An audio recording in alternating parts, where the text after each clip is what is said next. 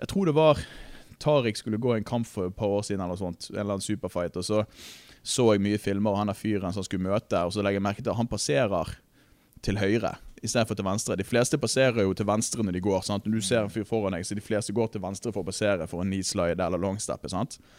Um, men han fyren gikk bare til høyre. Og så tenkte jeg at da skal jeg begynne å gå til høyre når jeg trener med Tariq nå, bare for å utfordre han litt. sant? Og få han til å kjenne på den. Og så gikk jeg bare til høyre, og så plutselig så jeg endte opp med å passere jævlig mye til høyre. Og så er jeg blitt obs Har du passert Tariq jævlig mye? Hæ? Nei, du nei, men- inn i greiene nå og trodde vi ikke skulle merke det? Nei, men det, Whatever, nigga! Hvis du er her for faglig input og kvalitet, så er ikke det sikkert at uh, Du er 10 av det for deg. Men vi gjør det nå bare for det. For det vi Folk vet ikke hva de trenger, men nå trenger de det.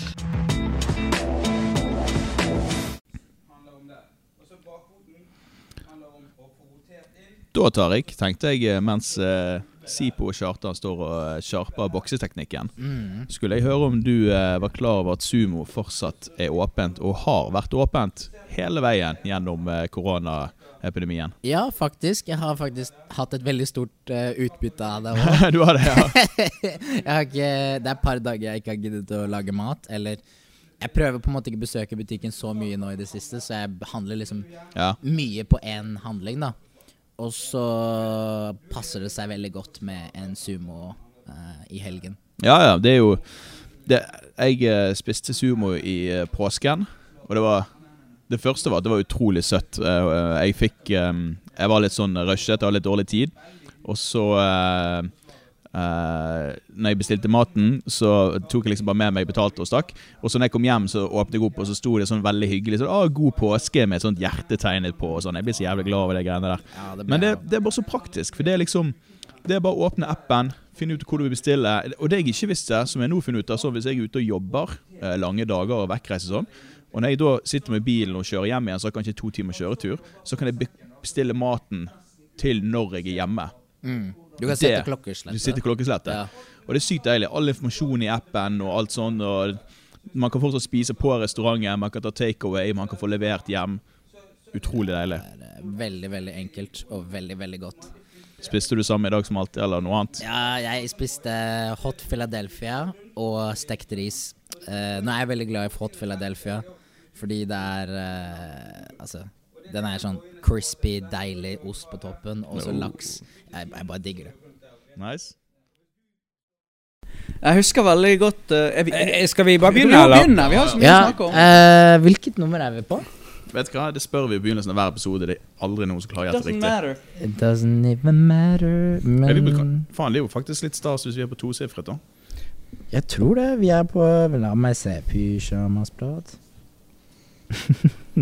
altså, det er bare å snakke. Så jeg tar ikke på telefonen allerede. Fuck, man. Bro, jeg prøver å søke opp pysjamasprat, da. Ja. Du, og så prøver jeg å holde ølen i andre øynene. Det sier litt om tidene vi har gått inn i når Tariq drikker øl på en, uh, på Ja, en lørdag. lørdag. En lørdag, det er ikke det verste. Herregud. Uh, vi er faktisk på episode ti, gutta! Oi, oi. Tenk dere det. Tok bare et år.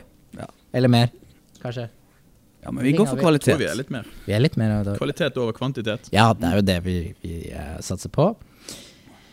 Ja, det er uh, rett og slett litt unntakstilstand uh, rundt i verden nå, Mm. og uh, jiu-jitsu er kanskje ikke den letteste sporten å komme back on track.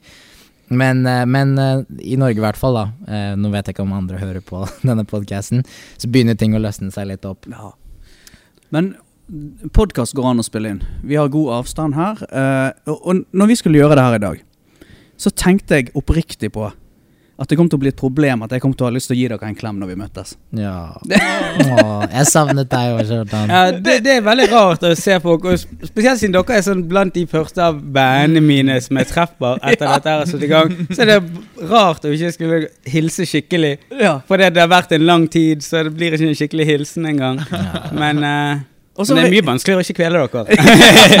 Men så, så har jeg trodd at det liksom skulle være sånn eh, korona periode, og så rett tilbake alle på trening. Eller jeg har ikke trodd det, men jeg bare sett det for meg. Sånn Ja. alle møtes igjen. Faen, der er du! Faen, så lenge siden! Alle møtes, men vi begynner i det Du tenker liksom første mandagstreningen, bare som vanlig mandagstrening, 20 mennesker rett inn. Ja. Men vi begynner i det små. Oss fire møtes for å prate litt. Mm. Fin start. Bare prate. Bare prate. Men vi har desidert valgt den dårligste idretten å trene gjennom koronatidene. Det er liksom, Jeg har tenkt gjennom en full hazmat-suit, hadde det gått for å bare kunne snike inn en trening her og der.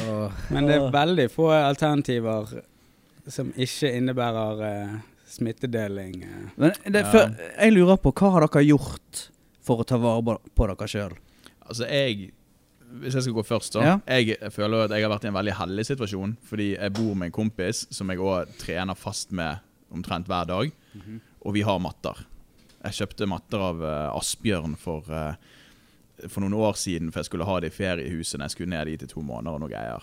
Så meg og Lasse vi trener ganske mye. Vi bor sammen, vi omgås varmt hverandre, vi lager mat sammen. Vi jobber sammen, vi gjør ting sammen. sant? Så det er litt sånn Jeg føler at vi på en måte da er innenfor en grense hvor jeg syns det er greit.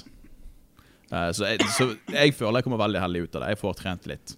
Jeg begynner å bli utrolig lei av utvalget treningspartnere og variasjonen i motstand, men, uh, men det er mye bra drilling. Det er det.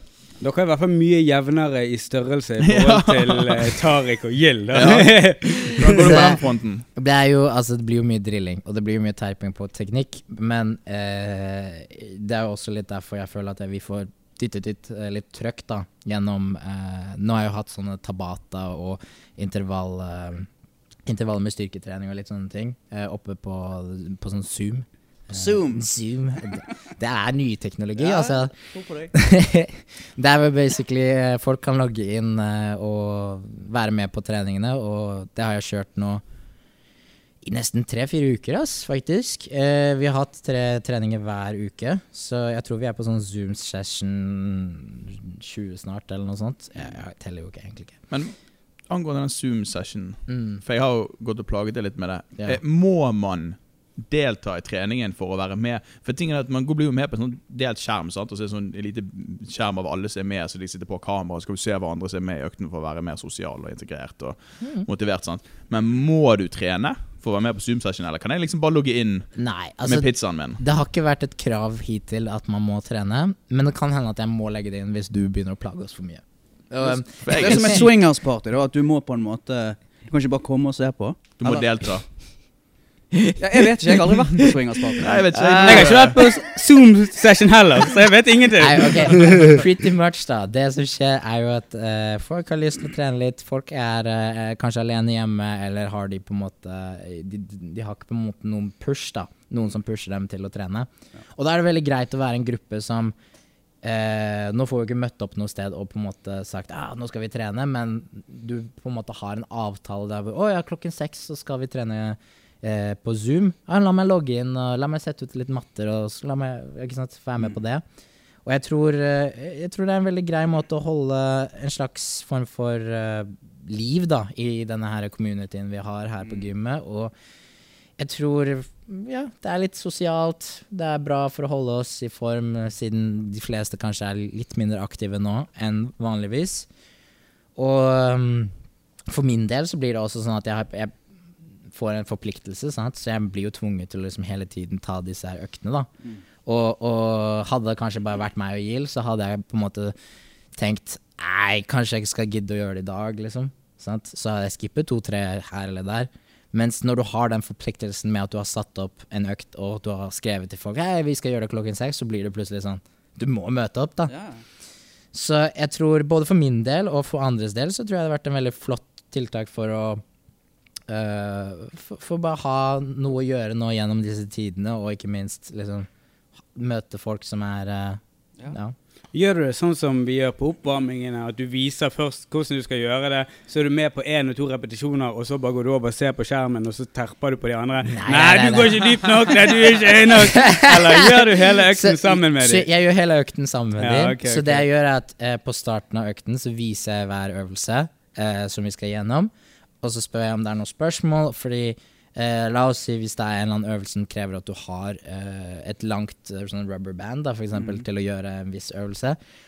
Men så har ikke noen det, sant? Og så må du finne på noe annet de kan gjøre. Ok, hva har du? Du har en ryggsekk? Ah, men supert. Du kan gjøre push press med ryggsekken over hodet, med noen bøker inni. Eller så. så du må på en måte improvisere litt ut et, ettersom hvem som er med, og hva de har, og tilgjengelig, og litt sånne ting. Og det, det syns jeg bare er kjempekos. Og så, så snart du har liksom gått forbi og viser alle øvelsene, så bare kjører vi i gang. Og så er det egentlig bare å henge med så mye som mulig. Så Kult. Hva gjør du, da? Å, det er flaut å si. altså, Kom igjen, Kjartan. ok. Altså Husk, jeg gikk fra liksom ingen trening til å grapple, og det var sånn fantastisk for meg å oppdage noe som var gøy, og jeg fikk mye ut av det. sånn. Og så kom det her eh, viruset, og full på en måte apati hjemme, da. Første uken. Og jeg har, husk, jeg har aldri drevet med noe annen kampsport, sant. Men det er liksom kettlebells og løping og sånn. Det er liksom ikke det samme, sant. Du vil liksom ha noe av det der kampen, rett og slett. Og så søkte jeg litt på, på nett. Og så fant jeg ut, så jeg en fyr som Han bokset på en sånn boie med vann. Ikke en boksesekk. Jeg har jo, hadde jo ingenting sånn. sant. Så tenkte jeg faen, jeg har jo en sånn. har du en vannboie bare liggende rundt? Ja, ja, jeg, jeg bor jo med sjøen, jeg har jo nøst, Ah, sant. sant. Så gikk jeg ned, så fant jeg den, og den boien var, var jævlig svær. Det var en sånn stor boie. Så tenkte jeg, kødder du akkurat sånn som han fyren på YouTube viste, så kunne jeg skru opp og fylle vann på. Så var det sånn, jeg kan ikke gjøre det. Jeg var liksom flau, sant. Jeg har aldri liksom, liksom vært hypp på noe sånn bokseopplegg, sant. Og så bare, faen, jeg gjør det. Så gjorde jeg det, og hun, samboeren min var litt sånn, hvorfor, hvorfor henger det en boie nede i studio med sånn kjetting oppi og sånn? Fylte vann på, kjøpte boksehansker, for det var jo en av de få tingene de hadde fremdeles på eh, en sånn sportsbutikk. Og så begynte jeg bare å se på videoer. bare sånn, og Det var jo det var akkurat som å begynne her. sant? Yeah. Liksom sånn hip escape. Bare helt Jeg kan ingenting om det. Bare jab, jab, jab. Helt sånn. Og Altså OK, da. Jeg har gjort det mye nok til at jeg har begynt å svette, og det er en trening. Men det har virkelig vært en, en overraskelse hvor jævlig gøy jeg syns det er. Å, så. Så det har vært redningen, og det har jeg gjort nå i pff, tre uker, kanskje. Du har fått deg noen never nå. Kult. Nå har du never Jeg bare Jeg- sier at hvis det går ned, så, Vet du hva det så er? er ikke det bare Det grappling. her caller for, uh, det for en MMA-fight en eller annen gang. Altså. Ja, dette her jeg tror jeg nesten vi må se en liten Ja, eh, vi får, vi får se seinere, så Nå, blir det du liksom, nå begynte du med grapplingen, og så gikk du til Europeans. Ja. Så kanskje vi skal sette opp en MMA-kamp eller noe sånt. Sånn Ja. Amatørkamp. Ja. Men, men det, det er jo utrolig fascinerende. Dere har sikkert peiling på hvordan man bokser basic ting. Men det er jo veldig gøy å bare begynne den der jakten på masse teknikk kunnskap, Det er masse teknikk. Ja, og alt med boksing er så sinnssykt detaljert Det er helt og sykt. vanskelig og omfattende, akkurat sånn som BI-en. Mm. Og når du har sett på det i årevis på TV, hvis du først skal prøve å gjøre litt av det sjøl, så bare sånn Å ja, faen, jeg kan jo ikke slå. Nei. Jeg har ikke peiling på hvordan du slår. Og så skjønner du plutselig sånn Å ja, nei, det har ikke så mye med neven Å ja, styrken kommer fra beina og rotasjonen Ja, ja. i hoftene. Det er akkurat som BI-en. Det, det er liksom Det er så bare den her hvordan du står, og hvilken side står du, og så hvordan står du. Bare sånn Skal jeg ha høyre hånd fram, eller hvordan er det, liksom? Jeg er stolt. Jeg er Veldig stolt, gøy. Det er Veldig sykt kult. Veldig kult. Så, så eh, Ja, nå blir det full boksegym hjemme hos meg. Studioet legges ned. Ikke noe musikk, ingen podkast. Så jeg liker jo når, når Frontline Bergen åpner opp igjen for treninger, så kommer de sikkert til å åpne opp for liksom Muay Thai og, Ja. Og yoga og litt sånn. Jitsu tror jeg kommer litt senere i tid. Uh, men da har jo du mulighet til å bare trene for dag én. Du kan bare Ja, komme bare deg. Eller starte et nytt bokseparti. YouTube Boxing Club. Men det må vi si, Sipo. Du, eh, når, du, når vi ventet på deg i dag, når du skulle komme til bilen, så var det Jeg vet ikke hvem som sa det, men vi hadde litt mye utstyr med oss i bilen, stativer og sånn. Så var det liksom Er det plass til Sipo? Vi vet jo ikke hvor stor han er blitt. Tror det var du som sa Christian. Og så ankommer du, og så er du bare smashing. Du vil vel kanskje si Men Det var ikke det jeg sa i det hele tatt. Det var jeg som sa det, men det var ikke det jeg sa. Nei, det var det som var tanken bak det, sikkert. Du sa det kan jo være han er stor. Så Det er fra? Sipo er faktisk ripped and sweet nå. Ja. Jeg er så nærmt som jeg har vært noensinne, i hvert fall. Jeg, eh, vi snakker jo alltid om vekten min. Ja, ja. Så denne, i dag beide jeg meg før jeg kom, og nå var jeg 66,6 kilo. Og det er jo en satans god vekt. Det er det. Oh, dæven. 66,6. Så ja. eh, nå eh, begynner jeg å nærme meg eh, light featherweight-klassen. Nå. Vet du hva jeg nærmer meg? 888. det er veldig rundt. Men ok, forrige gang du gikk konkurranse, da gikk du i Eh, middleweight. ja. Da, da slanket jeg meg ned i middleweight. For jeg var vel Ja. 86, og så fucket, tar jeg opp foten min, så da skjønte jeg at jeg måtte bli tynnere. Slanket jeg meg ned til eh, ja, 81 eller noe sånt som det, før konkurransen. Kuttet kanskje litt rett før. Så da veide jeg inn akkurat på eh, 82 eller noe sånt med gi. Og det var en kamp å komme ned der. Men nå er jeg veldig mye mindre. Det er jo ha hagearbeid, ikke det, da? Så, uh. Jo, altså Hagearbeid har gjort sitt eh, mens jeg har vært hjemme, altså. Men jeg har òg prøvd noe hjemmetrening, jeg òg. Vi startet første ukene, så prøvde jeg å engasjere eldstedattera mi med på dette her, da. mm. Så da begynte vi med noe eh, yoga. Tenkte det var jo suverent. Det er en oversett del av mm. greien for meg. Noe jeg kunne tenke meg å gjøre. Og potensielt noe som en seksåring kan være med på, tenkte jeg. Mm. Men uh, datteren min, mye som meg, hun klarer ikke å slutte å snakke. Og det eneste gangen jeg klarer å slutte å snakke, er når jeg trener eller jeg tar yo- yo- yoga eller noe sånt. Og det som vanligvis er en litt sånn meditativ innover-greie, der du får kjenne på ting og føle på ting, ble jo bare om til bare 'Pappa, se på meg! og, Hvordan gjør du det?' Gjør du det?» Det ble et evig mas. ja. Så vi holdt kanskje det gående i sånne to uker med jevnlige yogaøkter. Og det var veldig bra, fordi at hun tok initiativ til det. 'Skal vi gjøre yoga nå med en gang vi hadde lagt Mm. tvillingene?' 'Skal vi gjøre yoga nå?' Dritkult. Hun var med på det. Men Mm. hun tøt rett og slett hull i hodet på meg og ødela hele gleden med den der yogaen. Altså. Men, men egentlig så yoga, da er det en slags workout, sånn at du er helt At du er gående etterpå, du tenker sånn? Nei, altså nå, nå er det sånn at uh, vi følte eh, En venninne av meg uh, og partneren hennes driver noe som heter yogarom i byen. Og når eh, koronatidene kom, så startet de gratis sånn online opplegg der du kan eh, se videoene deres og følge deres økter. Så det var jo det vi begynte med, bare bli med de, eh, på deres økter. Men eh, jeg har vært på det yogarommet tidligere òg og tatt økter. Da ble jeg skikkelig sliten etter en økt. Eller Mm. ikke skikkelig sliten, som kanskje etter en BI-økt, BJJ-økt, men jeg kjente at det var en god økt. Men nå når jeg gjorde det hjemme, så Ikke for å fornærme yogafolk, altså, så ble det ikke noe skikkelig økt ut av det. Mm. Men mange av de tingene som skjedde når jeg gjorde det live, var jo at hun kom bort, og så sier hun og Først viser hun posen, og så sier hun sånn Ja, kjempebra. Og så går hun rundt og retter på folk. Ja, Fram med den hoften, ned med den, Ja. eh, opp med Så 28 justeringer på hva du gjør feil, og så går det fra å være en sånn relativt behagelig stilling til å være en tung, belastende stilling Mm. som er vanskelig å holde resten av tiden. Mm. Men når du er hjemme og gjør det aleine, så er det vanskelig å gjøre alle de rettelsene på når ingen som ser på deg, og Mm. kommentere det. I tillegg til at jeg hadde en seksåring som bare sa «Ja, 'Se på meg, se på meg', som ikke Ja. skjønte helt det der nærmeste opplegget med yogaen. Så da ble det rett og slett ikke så gode økter av det. Så da gikk jeg videre til å prøve noe sånn eh, Athlete X, er det det den heter? En sånn YouTube-kanal med sånne jævlig ripped keys som har noen sånne enkle programmer. Ok. Og prøvde å følge de, meg og Julie, damen etter eldstemann overlagt. Og det var ganske gode programmer, men det vært veldig sporadisk. Hvor lang økt?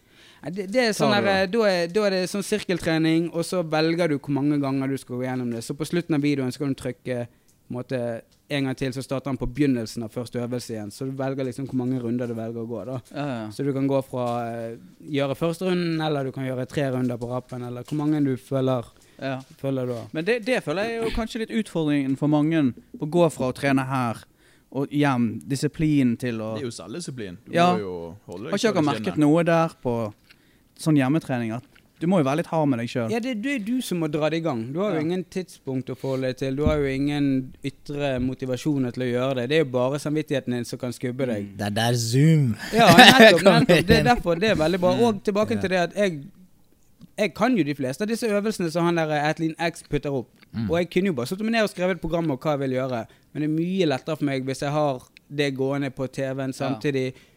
Han teller ut klokken og gjør øvelsene, og når det er ferdig, så stopper det. Mye enklere å forholde seg til enn hvis jeg bare skal gjøre det helt på egen hånd. mm.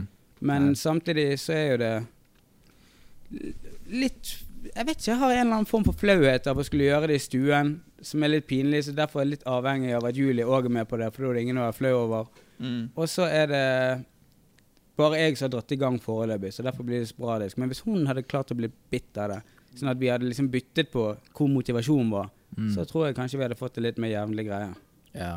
Jeg skulle gjerne vært med på de Zoom-greiene, men det er jo når jentene er våken, så ja, nei, det nei, herregud, det passer jo ikke alle. utenfor eh, mine tidsrammer. Ja. Jeg likte veldig godt Du, du viste meg jo eh, Sebastian Brosje sitt opplegg. Mm. Uh, så det gjorde jo jeg en, Jeg gjorde denne uken hans.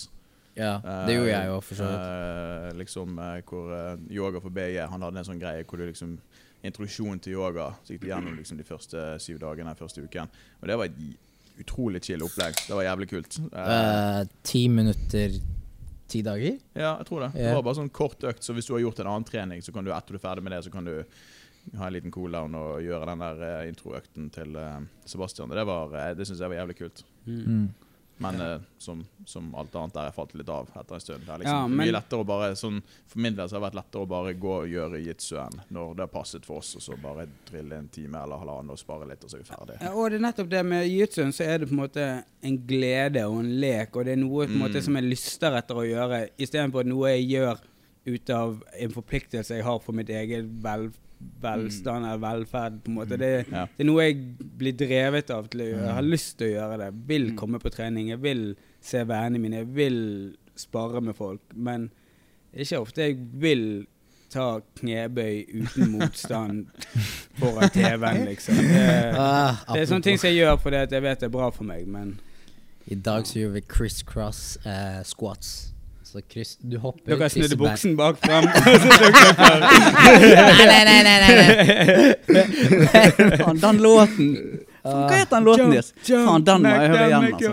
Uh, nei. uh, men ja, jeg, den, den var for så vidt ganske kjip. Men eh, det verste var Du, du går fra knestående opp til eh, squat-posisjon. Så basically du tar et, en og en fot opp på matten, og så tar du ett og ett kne ned på matten. Jeg trodde det het prison, Prisoners Walk. Jeg. Ja, det kan Det godt være, kan men eh, hvis du, hvis du begynner på knærne Ja. med hendene bak hodet, og og så reiser reiser deg opp du må ikke ha hendene bak hodet. Hvorfor Hvis du er i fengsel, så må du ha hendene bak hodet. ja, men Det er litt for å stabilisere og for å sørge for at posturen din er opp. sant? Ja. Istedenfor at du blir sånn bøyd framover. Ja, Hvis du tar hendene bak hodet, så får du automatisk skuldrene litt bak.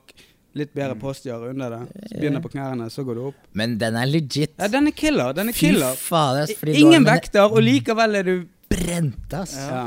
Det, men, men sånne øvelser som det her, altså bare 20 sekunder på og 10 sekunder av, og så åtte runder. Holy shit. Men da er det du som leder den treningen du snakker om? Ja, ja, ja, men jeg har jo på en måte Jeg finner jo fram en liste, sånn Tabata-liste. Så den kjører jo tiden for seg selv. Så den sier 'go', og så sier den 'stop'. Og så er det bare å egentlig følge den. Så, men det er jo, det er jo Når du sier måte liste, mener du sånn YouTube-liste eller spilleliste? Jeg fant en Timer. eh, Spotify. Ja, men det er, så, det er på Spotify. Det er, liksom med, Så det er musikk og den der go og stop-greien inkludert. Ja. Fuck meg, det er kleint. Hvordan er det kleint? Go! Ja, men jeg gir blaffen. Så lenge Ellers må jo Tariq si ja, go! ja, Bedre og så må jeg time. Jeg kan ikke time mens jeg gjør øvelsen. Det blir jo bare jævlig kjipt. Ja, så, Så du hører Ja, ja, på det, og så ser folk på deg gjøre det? Ja, men de hører også min uh, audio. Selv Ja. om det er kanskje jævlig kjip audio. Ja. Men de hører i hvert fall go og stopp. Ja. Og hvis ikke, så ser de det, fordi de ser meg stoppe. Så nei, du må jo finne måter. Uh, selvfølgelig, det er jo ikke optimalt oppsett sånn sett at jeg tror Kamera på den laptopen som jeg streamer med, det er jo en Altså, det er basically en potet. Så du det er så boss, det. Det er så boss. Men jeg tar hadde en diskusjon og Han sendte meg en sånn klipp forleden. Å, se, jeg redigerte sammen noen greier fra en tabletøkt og hadde noen noe greier. Og det er veldig fint siden du sikkert har 100 ganger bedre kamera på mobilen din, mens yeah. du likevel fra Nei, ti- tingen var at jeg hadde på en måte laptopen, og så streamet jeg fra det. Og så tenkte jeg ok, nå prøver jeg å recorde mens jeg, vi gjør streamen. Mm. Men det ble jo bare trash. Det Ja, du sier det nå, når du viser det frem, så er du kjempestolt.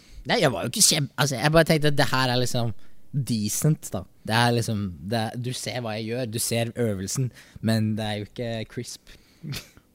Men Kristian, du har hatt én treningspartner hele veien, sant? Ja. Hvor lang Altså Har du latt han kvele deg en eneste gang? Har han vunnet? Du Har er ikke så har grei. Har du gitt vekk én tap? Vær ærlig. Nei. Ikke én. Jeg gir meg hva ikke- sier det om deg? posisjon. Ja, da, nei, jeg er med på den. Jeg er med på den. Jeg ville bare høre om det er meg det er noe galt med. Nei, nei, nei, ja, faktisk det er ikke det. Hva- Hvem er det du lurer med hjemme?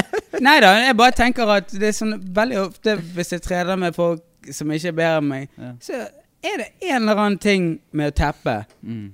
at jeg, jeg prøver å være så raus jeg kan med å ikke på en måte konkurrere Eller være for competitive. Mm. yeah. Og prøver å la de få litt ut av det, de òg. Men akkurat det der med tappen, det er litt vanskelig å gi vekk. jeg vet ikke, jeg synes det, det er litt uh, merkelig dynamikk der òg, fordi det er uh, Jeg tenker sånn Når du spør noe, så begynner jeg visuelt å se for meg situasjonen med en gang, eksempel, hvor Hvis han sitter opp med bow and arrow, sant, og så vet jeg hvor Jeg, jeg, jeg kjenner hvor albuen og armen hans er, så vet jeg at det er plass for meg å trekke ut hodet. Men så gjør jeg det kanskje ikke med en gang, for jeg vil se om han faktisk justerer det riktig. Og Så blir det litt sånn Så kanskje hvis han faktisk hadde justert det riktig, så hadde han kanskje fått teppen. Men siden Nei, han da hadde du bare skubbet på albuen og fått den tilbake der han skulle være. Kanskje. Men, men, jeg, um, men jeg, jeg, gir jo, jeg gir jo rom for at han kan gjøre det bedre når vi Ja, det trener. tror jeg ellers òg. Det er dere bare trent Ja, ja. to eller tre ganger sammen. Så, men, eh, men eh, nei, jeg har faktisk ikke det. Når jeg tenker meg om. Hva savner dere mest da med jiu-jitsu? Jeg tror kanskje for min del så er det denne følelsen av å være helt gåen etter Det- trening. Ja. Det kan jeg fikse, mann. Ja, du kan det Det kan du ordne. Nei, Nei, men, men du, du sier du kan fikse det, men, men det er ikke det at treningsprogrammet eh, ikke er tøft nok på det jeg gjør. Ja. Men min evne til å pushe meg, og min evne til å vite at sånn her, nå er det tre sekunder igjen, så jeg kunne presset inn en repetisjon til, Mm. men istedenfor så begynner jeg litt slapp på den, og så gir jeg meg litt før. Og den der eh, selvdisiplinen til å skubbe deg sjøl fram til grensene dine, og til der på en måte den virkelige framgangen skjer. Ja. Det er veldig vanskelig på egen hånd, men på YouTube så er det noen andre som gjør det for deg. Hvis er du er litt sliten, så vil ikke du gi vekk teppen. Ja, så derfor gjør du de ekstra tingene du trenger, selv om du egentlig ikke har energi til det. Ja, det er Og det der greiene der, det har jeg òg. Jeg har ikke Ja. kommet nærheten av å bare sånn der bli ferdig. Der du må ligge deg ned og bare sånn Ja. Jeg har ikke noe Ja. sjanse på å gjøre det mot Men meg sjøl. pluss at jitsu er gøy, det er gøy. så derfor er det lettere å bli utslitt. Du, det har sagt, tar jeg også spurt om jeg skal med på Zoom sessions og greier sånn. Jeg vet hva, jeg har ikke lyst. Jeg har sikkert hatt bra ut av å gjøre det. for dårlig webkamera. Pyse Ja, men du, også er det, jeg tenkte på en ting. Den der eh, Ja. Jo, men altså, det er jo gøy, sant? Men, men du vet den der eh, jakten og Det å, å, å liksom Når du ruller, det der å liksom jakte etter en submission, eller å rømme fra, fra noen som holder på å banke deg, det får du Akkurat de elementene får du ikke i noe annen trening. Altså, du kan jo Mm. bli utslitt, og det kan være gøy, og Du har gulroten foran deg, og du har pisken bak deg. Begge Ja. to som jobber bare for å holde deg i gang. Yes. Mens vanlig trening så har du kun på en måte den, den abstrakte gulroten som du må lage inn i hodet ditt med en eller Mm. annen form for uh, Mm. eh, bedre fysikk eller en eller annen motivasjon du har Mm. langt der ute som du må skape helt sjøl. Mens i jiu-jitsu så har du liksom pisken bak deg, han kommer og tar deg hvis ikke du gjør noe. Mm. Så er det gulroten foran deg. 'Å, se ryggen er rett der, han er rett der, han er rett der.' Så du har liksom hele tiden den motivasjonen rett i selve øyeblikket. Så det er mye, mye enklere å holde Jeg, jeg er ganske kreativ, da. Sånn sett. Jeg tenker Jo større lår jeg får, jo lettere blir det å teppe folk på triangelet. Ja. Jobber med det. Så det er målet for denne. Men uh, også en annen ting. Har dere hatt det sånn Jeg følte akkurat når Altså, rett før det her skjedde, så var jeg inne i sånn en periode på et par uker hvor jeg hadde en veldig god følelse på trening i forhold til mitt eget uh, game på trening. Ha, har dere det sånn ofte at du er inne i en periode der du tenker at nå skjer det noe her med gamet? Altså at du, du kan merke at du utvikler deg over noen uker. Altså, det er ikke du kjenner at noe, du kjenner at noe løsner. noe, noe har løsnet nå, og jeg er på vei til å gjøre ting bare bedre. Løse mm. ting bedre på. Eh, Jeg føler det er sånn jiu-jitsu fungerer, med platåer som du er på en god stund, Mm. og så plutselig er det en liten oppoverbakke og en kurve der ting begynner å løsne, det begynner å skje noe, og du begynner å implementere et par ekstra ting som du på en måte har kunnet lenge, men plutselig begynner du å gjøre det. For det har ligget lenge nok i underbevisstheten din til at det endelig har brygget til å bli noe. mm, Så skjer de tingene, så Mm. begynner du å få til ting som ikke har skjedd før. ja. Og så kommer du opp på et nytt platå, og så blir du på det platået en stund. Og så selv om du lærer nye ting hele den tiden, og selv om det kommer ting inn, og på en måte du utforsker ting, så, så er du ganske jevn på det platået en god stund, og så plutselig etter en stund, sånn litt sånn uten at du skjønner helt hvorfor, Ja. så begynner det å løsne igjen, og så begynner det det å skje nye ting. Mm. Det er akkurat som, akkurat som de tankene og ideene og på en måte kunnskapen din trenger eh, en stund. Akkurat som det frø som blir plantet i hodet ditt, og så plutselig spirer det. Ja. Helt uten at det på en måte ja, Kanskje du har gitt det nok vann, nok næring, Ja, og så altså- plutselig så skjer det noe med det. Mens det Mm. ligger der hele tiden og, og godgjør seg. Men så Mm. Kanskje jeg har jobbet for mye i hagen. Ja, du kan bare gartnermetafor. Ja, det, det er jo Og så er det det med å kunne å, å ta Bruke ting som du er god på, eller øh, de verktøyene du har, på forskjellige typer eh, treningspartnere. ja. Sant? Og det merket jeg akkurat rett før der. At det var sånn Faen, jeg, nå klarte jeg dette mot han og han, og jeg gjorde det der på forrige trening. Så du bare det, det, liksom, det er utrolig fett å være i sånne perioder. da ja. Så kommer jo nedturene, selvfølgelig. Ja, jeg er spent på hva det blir når vi kommer, eh, når vi kommer tilbake. Når vi faktisk begynner å få inn folk, og det faktisk begynner å gå runder. Og jeg er spent på hvordan folk kommer til å Jeg tror i hvert fall Lasse og Kristian kommer aldri til å trene sammen. Men har dere, har dere et slags forslag til hvordan vi skal begynne? Vet du hva? Jeg, jeg har ikke et forslag til hvordan vi skal begynne, men jeg har Mm. sett noen forslag. Ja. Og noen av de forslagene skal ta seg en jævla bolle. Okay. Altså, han, Hva heter han der jævla amøben? Oh, jeg er fra? Georgia. Han er uh, fight to win-duden. Og han, han Jeg vet ikke hva han har postet. Uh, er han som er, Faen, hva er heter igjen? Seth et eller annet? eh, Jeg er dårlig på navn. Ja, ja. Han er sikkert en veldig hyggelig fyr. Men eh, han, jeg setter gjerne litt eh, spørsmål til innstillingen hans, for han har lagt ut en eller annen post om eh, eh, Her er melding fra en kompis av meg, så dette er innstillingene Nei, dette er hvordan det skal være når eh, de skal åpne gymmet nå. Og da var det sånn alle som kom inn døren, måtte gjennom et fotbad med en eller annen slags flytende greie for å rense føttene. Og så Mm. måtte du inn, og så måtte du ha sånn altså, det, var, jeg kødder ikke, det var en liste med 20 punkter du måtte gå gjennom for å få lov til å trene. Da kunne du få lov til å gå inn i en trening med én meters mellomrom og fem stykker. Men sånt, sånt, du kan, ta med, var- du kan ta med en dukke, eller du kan trene med eh, partneren din som du har fra, med hjemmefra, eller noe sånt. det var, vet du, jeg har nesten lyst til Ja, å finne den jævla listen. For det er, det, så, Men det er jo ikke en, er jo ikke en grappling-trening. Nei, men det er jo så bra som de får. Nei, altså Ja. For han var det det, men, Men når, altså nå er det først sant? Nå er det først er det Muay Thai kan holde på, yoga og litt sånn, men, men når vi skal begynne å gjøre jutsu, tror dere Og det må jo bli en slags Kan det være at vi får bare lov til å være noen få, da? Fast treningspartner, et eller annet sånt? Jeg vet da faen. Ja, sannsynligvis at du kan ha flere grupper, og så er det mer hyppigere skifte, da. Så si at du har 45 minutters time, kanskje, Mm. og så må du ha en 15 minutters desinfiseringsperiode der hvor ting renses og alt sånt, og så kommer neste gruppen inn når den andre gruppen har gått ut. her, bare, bare, bare hør. Det er liksom Steg én ta temperaturen når du går inn døren. Steg to vent i bilen til du blir invitert inn, én etter én. Steg eh, tre alle skoene skal i hyllen. Jeg vet ikke hvorfor det står her på denne listen, men det burde jo være Vi burde ha den. Eh, fire, dypp føttene i sanitizing solution. Dry towel to wipe. Uh, sanitær hendene. Steg fem. Uh, steg seks eh, Jeg vet ikke hva det betyr engang. Steg syv. Må bruke rashguard under gi. Steg syv igjen. No sitting in lounge area, tror jeg man prøver å si. Åtte. eh, ikke mer enn to personer på badet om gangen. Ni. Kortere klasser. Ti, Tolv personer per klasse. Elleve. Sanitere 15 minutter mellom hver klasse. Det er jo greit nok, sant? Men denne jævla eh, Den her eh, oppstillingen fra bil til bil og rense føtter og liksom det blir Og så alt det for å ikke få lov til å egentlig trene. Da blir det sånn, da er ikke det verdt det.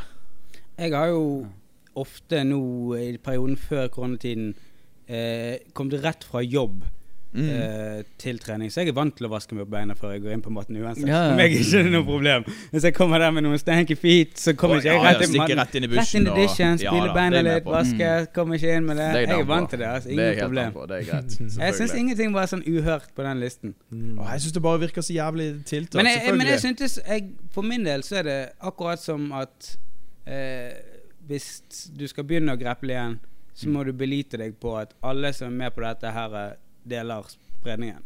For det, at det er ingen, ingen måte jeg kan se på det som, som det kan gjøres uten smittespredning. Altså Å vaske seg før du kommer inn er jo vel og bra, men du svetter jo med en gang igjen. Ja, ja. Svetten din ligger jo igjen på matten. Og Noen av de eh, artiklene om korona er jo sånn at det ligger, eh, kan eksistere tre timer i luften i rommet hvis Mm. du er i samme rom. Mm. Og hvis du er der over 15 minutter, så kan du bli smittet. Det er liksom veldig mye uvissheter og veldig Ja. mye ting med det som gjør det så å si umulig å tenke deg at du skal kunne drive med grappling, altså ekte grappling, med hverandre uten å bare innse at det er en stor sannsynlighet for at hvis én har det, så er det flere som kommer til å få Det det. er som du sa i begynnelsen nå, at det er jo, vi har jo valgt den verste sporten. Ja.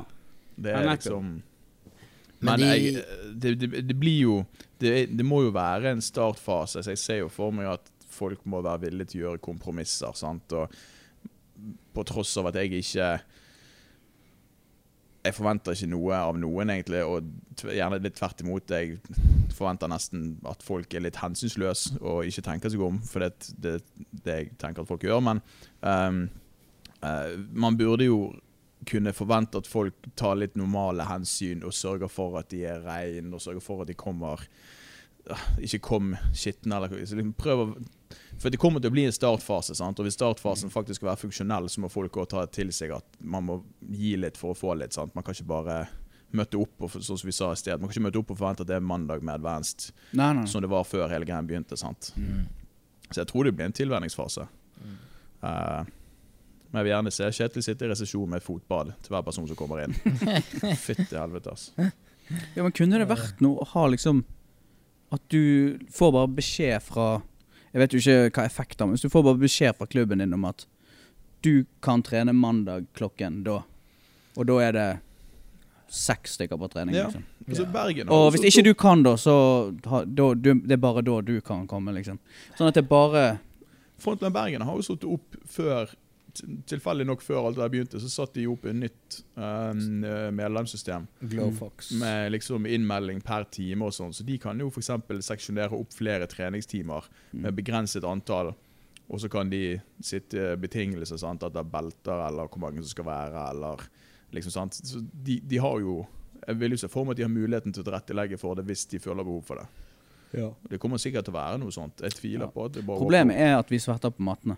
Det er det som er Ja, men jeg tenker sånn her eh, I det store og det hele så er jo ikke det på en måte Eller for min del så er på en måte frykten for at jeg skal bli smittet veldig lav. sant? Og jeg er lite bekymret for utfallet det hadde fått for meg. Selvfølgelig kan jeg være en av de uheldige som får alvorlig tilløp, selv om ikke situasjonen nødvendigvis skulle tilsi det.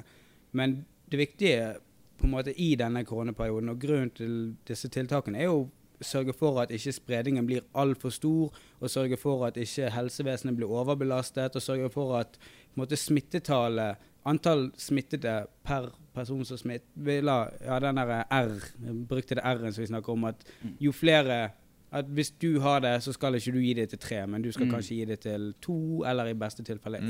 én, eller aller beste tilfelle null. Null. Mm. Så det handler jo om eh, en samfunnsinnsats for å få det tallet så lavt som mulig.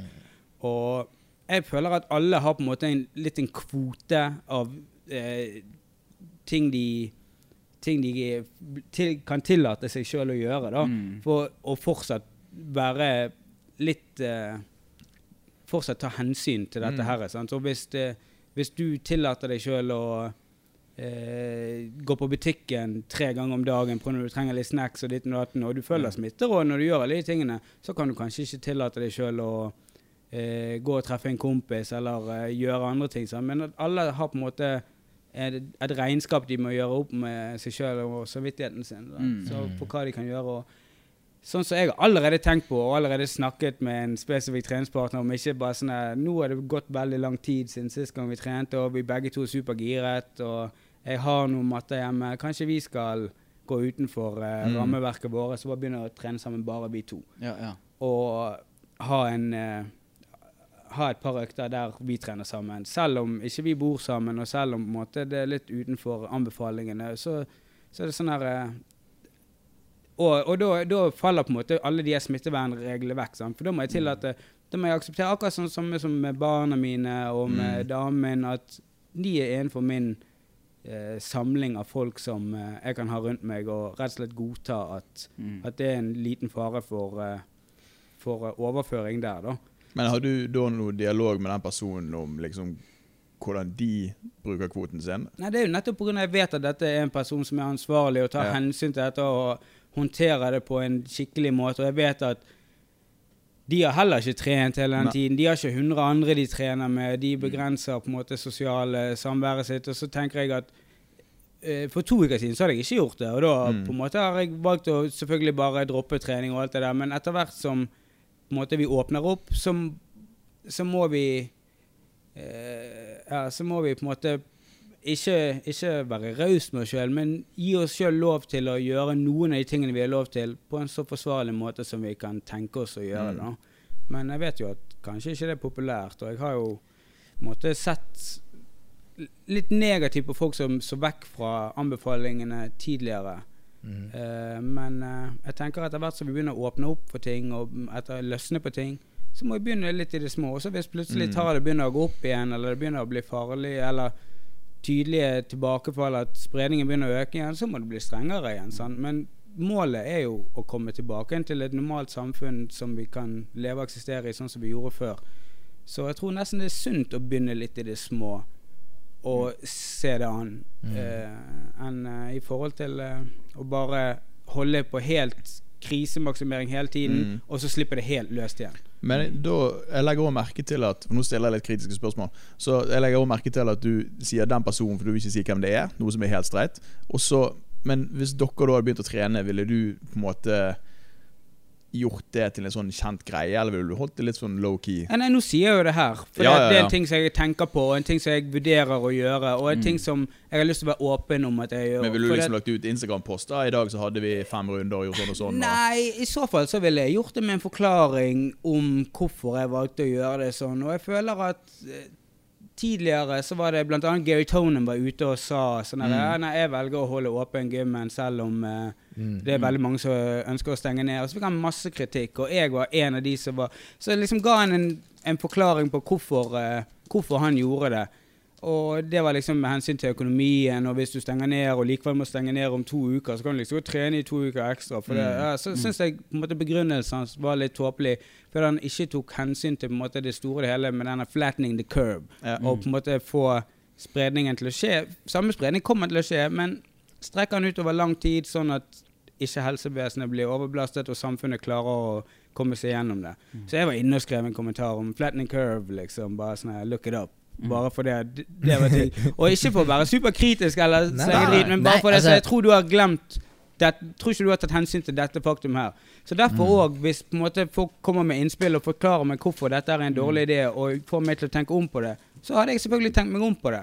Og jeg er på en måte åpen for at jeg kan godt være at jeg tar feil om dette her, om at eh, kanskje det er enda viktigere at vi er streng en stund eh, enda lengre, og ikke starter gradvis, og ikke har sånne ting som det, for det er kanskje noen baksider med det som ikke jeg har sett ennå.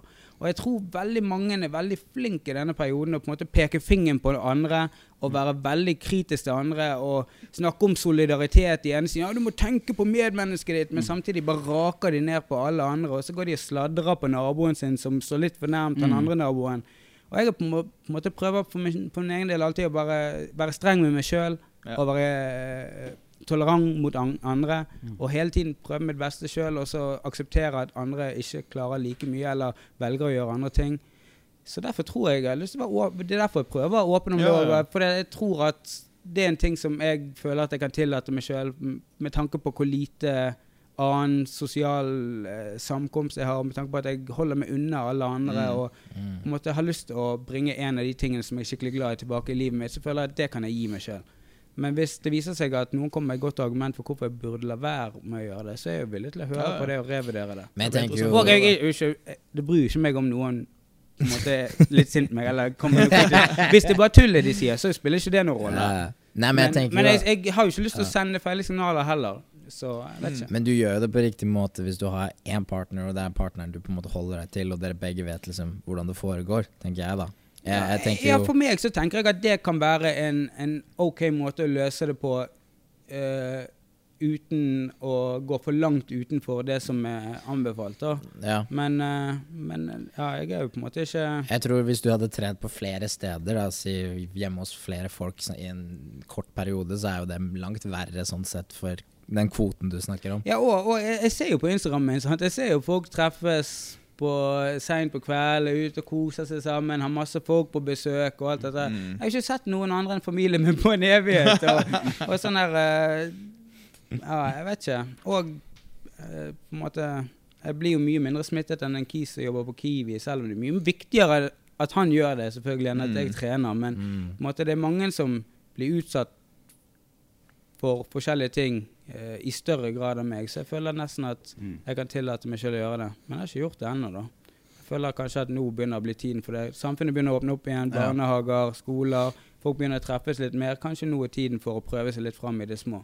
Ja, nå er det jo eh, Hvor mange dager er det siden barnehagen eh, åpna opp igjen?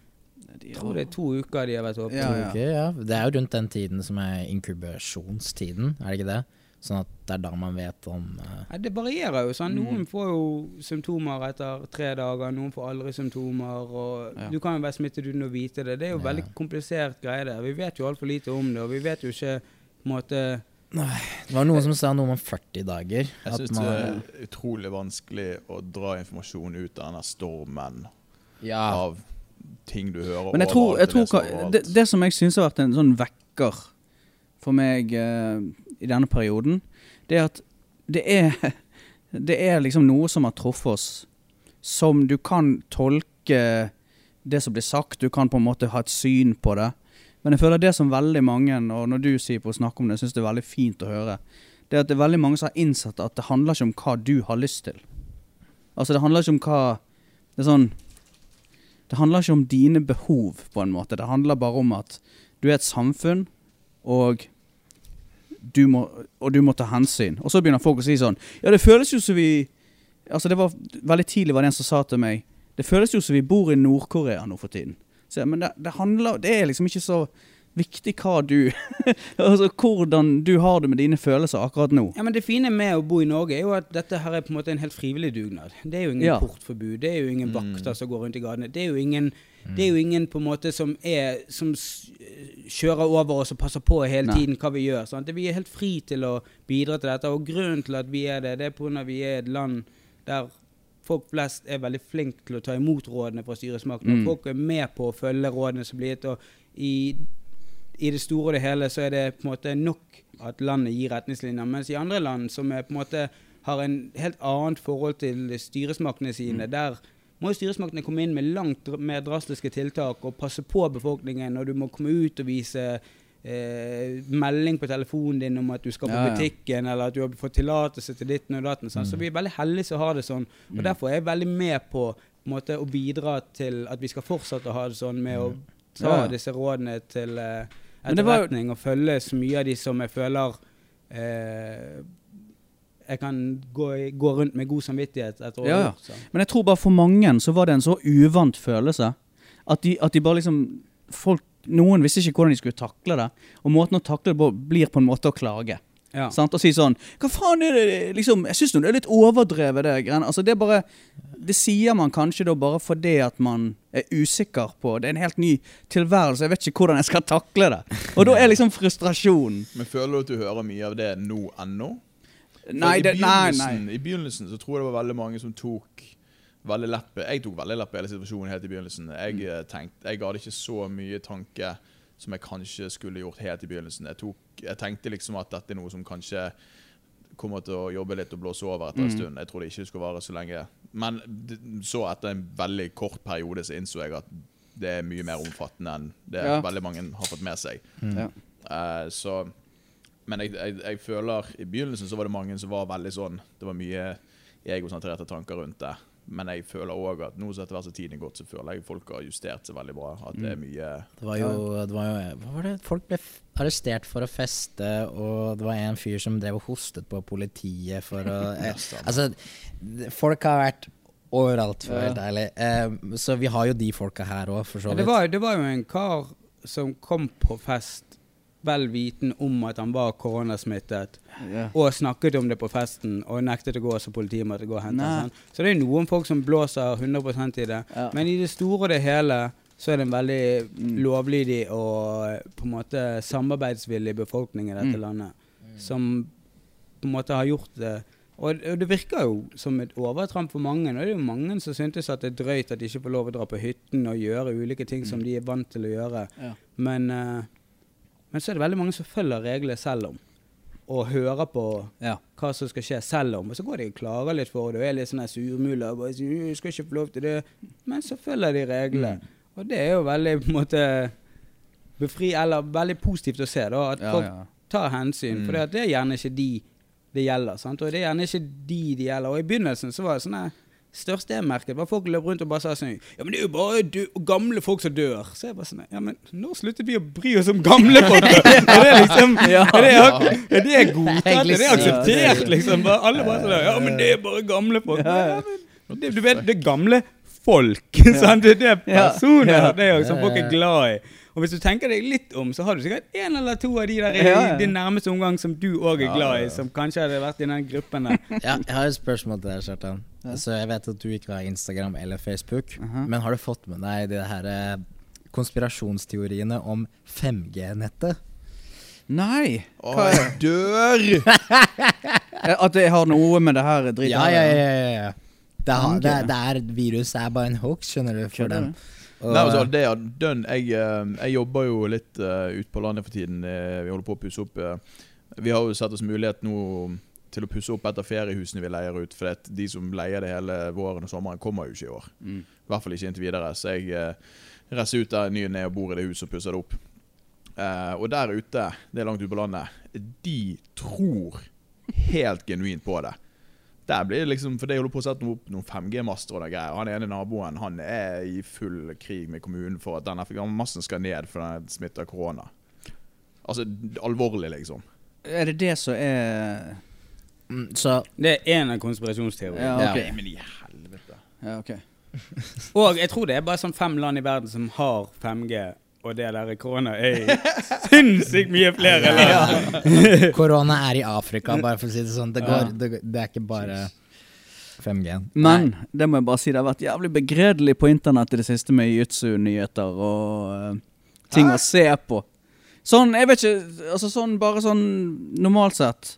Liksom stoff. Altså, har hvis vi går over til litt mer sånn nyhetsrelaterte Ja. ting, så så jeg forleden at uh, Vinni Margalesh har uh, knær ut av gummi. Ja, Ja. hva fader, det var sykt. Hva var det? Det var eh, en event. Syk, holdt jeg på å si. Hva var det? Uh, submission Underground Ja, til Jail Sun. Jail Sonnen, ja. Ja. Eh, så egentlig ganske location. Men det var fet match, da, sånn mellom eh, vi, Altså, fet matchup, Vinni og, og, og Craig Jones. Og jeg var litt sånn Det var jo strengt tatt aldri en match. det var, det var litt snodig, fordi egentlig de drev og bare pratet hele Ja, matchen. men det var jo etter den første vridningen. Ja, ja, men sånn i forhold til Altså, for min del så var det sånn Jeg føler at Vinny kunne ha gjort mer. Jeg føler at Vinny var Han var ikke tilstedeværende i kampen som han har vært tidligere Nei, men hvor fort, hvor fort skjedde ikke det? De, de satte seg ned, han trakket inn, eller, eller eh, han eh, dro inn beina hans, og så begynte han å sette opp heelhooken. Han fikk jo den første heelhooken ganske kjapt. Ja, den var tight. Den var tight. Han men sånn ganske kjapt inn i runden. sant? Det virket som Vinny Men ikke hva, var det det at han ikke teppet? Ja, Ja, altså, han Vinny har jo vært Ja, han åpen sier om at at ikke det funker. Men la oss bare si at hælen hans pekte i samme retning som kneet hans. Sant? Og, og for min del, altså, når jeg så på videoen, så var jeg sånn Holy shit, det der må jo være knekt. Eller det, må, Ja. altså, det ser jo bare helt jævlig ut. Ja. Eh, og så ser det, virker det som at utover i matchen så merker han nettopp at det har gått såpass langt. Så han på en måte gjør en verbal tap uten noe submission. da altså, Craig Jones slapp man jo ikke han. Første, første submission-forsøket, så slapp han. Ja, og så, og så bare sa han går det bra, liksom? Og så ja, ja, det går bra, og så fortsatte det lite grann. Og så gikk det jævlig slow, fordi Vinny plutselig bare kun slåss fra knærne. Og så, ja, ja, det var litt sånn Au! Og så fullførte de Nei, nei, så eh, før på en måte tiden var over, så bare ga han eh, Vinni eh, Magalesh seg. Så så jævlig. Men det var flere ka- Det var Det var flere kamper på kartet, men jeg Ja. så ikke på de andre. Og det var uten publikum, da. Det var uten publikum. Det var eh, Jeg tror, jeg tror også de skrev Altså Jeg tror ikke folk visste hvor det var hen heller. Jeg tror Nei, det var sånn det er sånn Destination Unknown-opplegg. Så Ja, men grappling funker jo på en måte uten publikum, da.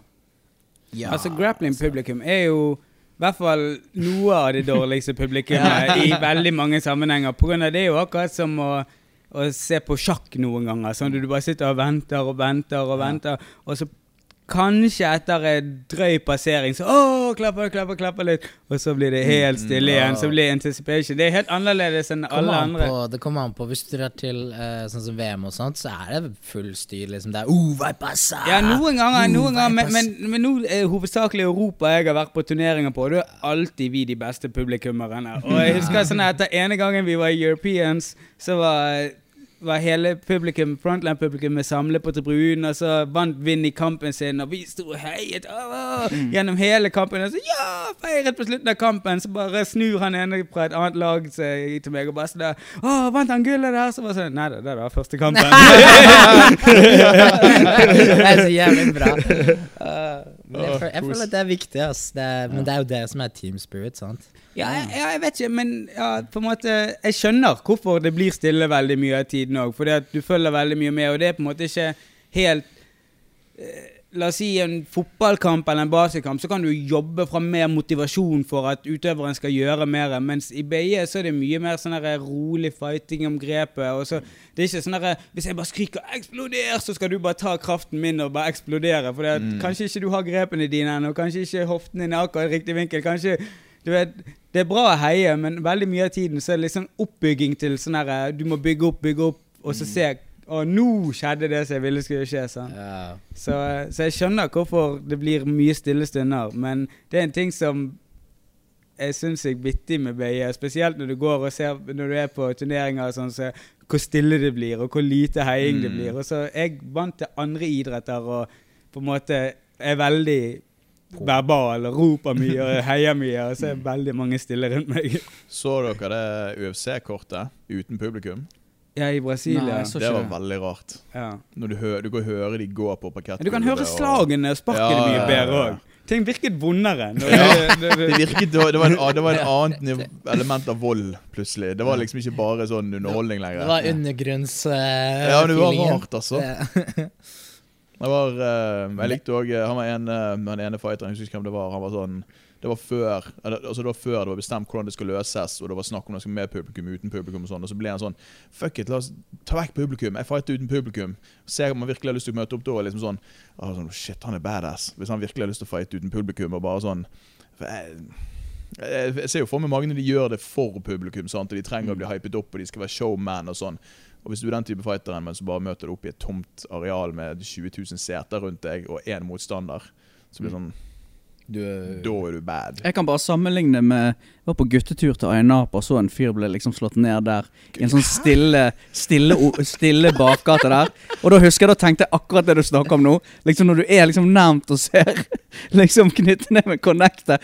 men det verste er lyden faktisk når de treffer Treffer asfalten med hodet. Ja. Det er det verste.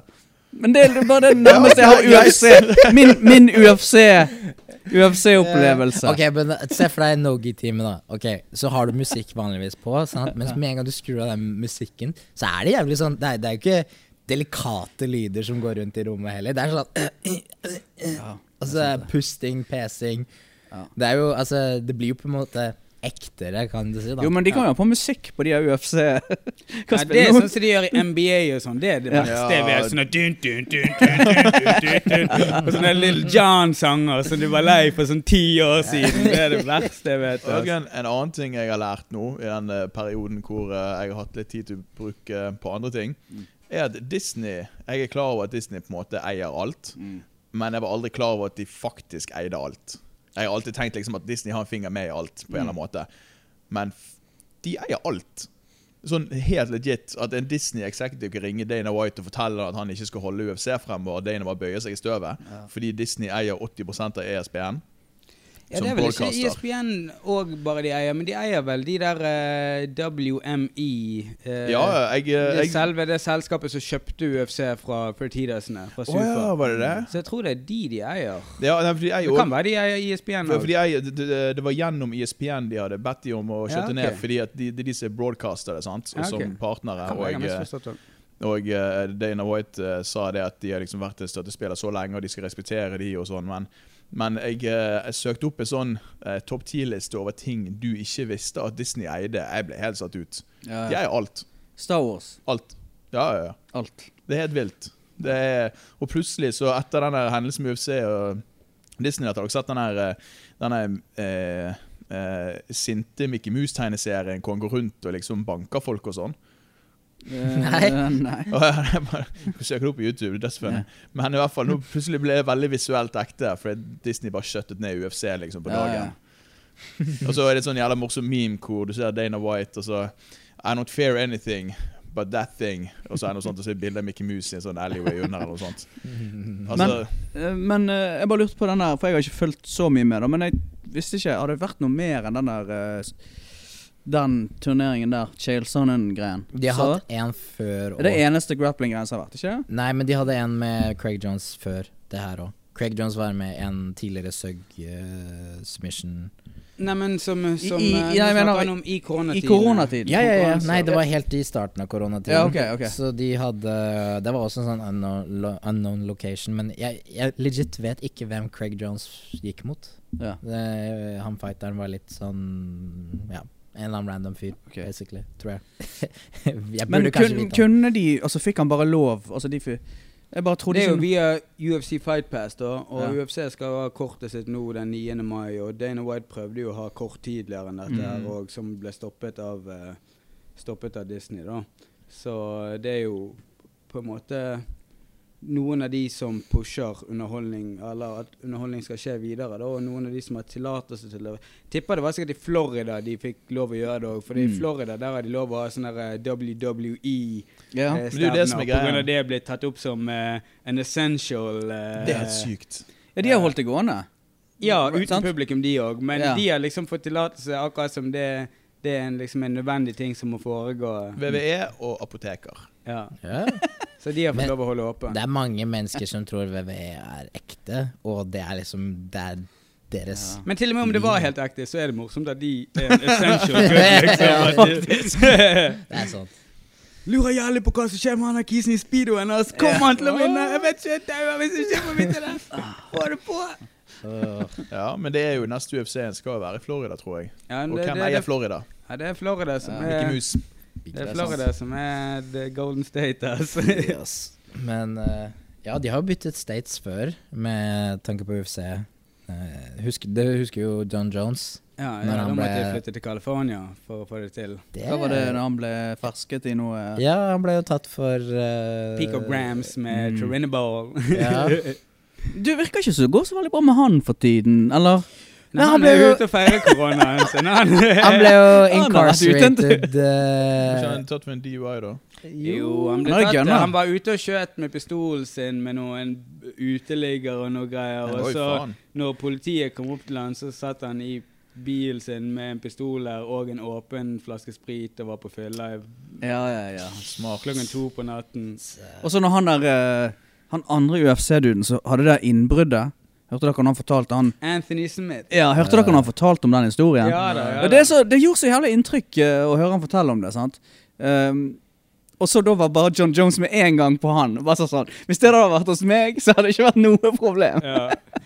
Ja, jeg tror eh, han eh, Anthony Smith fortalte om at han kisen var sikkert bare sånn der en 170 pound kis, vanlig. og så hadde han slåss med han og slåss med han og slåss med han. Og uansett hva han gjorde mot han, slo han, sparket han, uansett så hadde han alltid bare kommet tilbake igjen og fortsatt slåss med han. Og John Jones bare sånn Ja, det er bra det gikk fint med deg, men jeg hadde knocket han ut, liksom. Jeg orker Jeg føler ikke med lenger, ass. Det er for mye. Men akkurat den historien var faktisk litt intens når han forteller om det. For det var Men han kisen hadde vært på eh, noe greier, da? Eller uh, Mest sannsynlig, for Anthony Smith hadde knocket de fleste folka ut. ass. Ja, men jeg kødder ikke, ass. Det er, jeg har sett uh, en eller annen fyr som var på noe greier, men han gikk inn i en, et busstopp. Sånn, Mm. Du vet, sånn, sånn glassvindu. Og han bare opp og inn i det igjen, liksom. Det er bare Dude.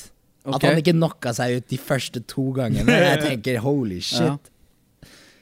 Nei, jeg tror det må ha vært det. Og jeg vet ikke, jeg tror psyken òg kan gjøre deg jævlig sterk, hvis du er bare gal nok. Det er noe greier, det. Men tilbake igjen til det spørsmålet ditt om hva vi savner mest med BJ. Ja. Det jeg savner best med BJ, det er bare den der uh, tankefrie Flukten fra tankene mine. Og den der uh, roen jeg får i meg, og det at jeg kan bare glemme alt en stund i hverdagen. Det at jeg på en måte kobler litt vekk ifra eh, alle de andre rollene jeg har, regningene jeg har, problemene med damen, med barna, alle de tingene. Og bare, bare være helt fri fra det en stund. Det er akkurat som den drøyeste meditasjonen jeg får til.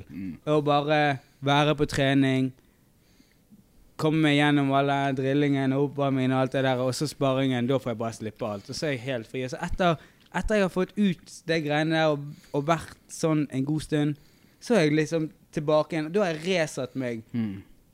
til et sted uten alt det stresset, og uten at jeg bærer noe av det med meg. Og selv om tingene kommer tilbake igjen etter hvert, så er det mye lettere å bære de, og mye lettere å eksistere med de tingene. Fordi at jeg har vært uten de en liten stund. Jeg har trykt på reset-knappen. Ja, ja. Den følelsen der savner jeg så mye. Og den følelsen, den kan ikke jeg trene meg til hjemme. Og hele det der eh, Det der eh, opplegget der, det, det får jeg ikke til på noen annen måte enn BIE.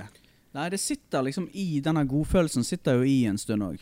Når, du har- når du har hatt en, en hard trening. Ja, jeg føler godfølelsen sitter i en liten stund, men bare det at, at ikke det stresset og den eksistensen har vært der en stund, gjør at jeg på en måte starter på nytt. Det er akkurat som jeg har et eh, beger som kan holde så og så mye. Mm. Og så noen ganger er det begeret ganske fullt ganske lenge, så renner det litt over her og der. og renner litt over der og der. Men så hvis jeg bare får kommet meg på en god trening, så får jeg tømt begeret. Ja. Så får jeg begynt på nytt med tomt beger, og så kommer de andre tingene. Det fyller seg opp igjen etter hvert. Og hvis det går for lang tid til neste trening, så begynner det å renne over litt etter hvert òg. Men denne tømmingen, altså, og bare det der å flushe det ut Men har du det sånn når du har en dårlig trening òg?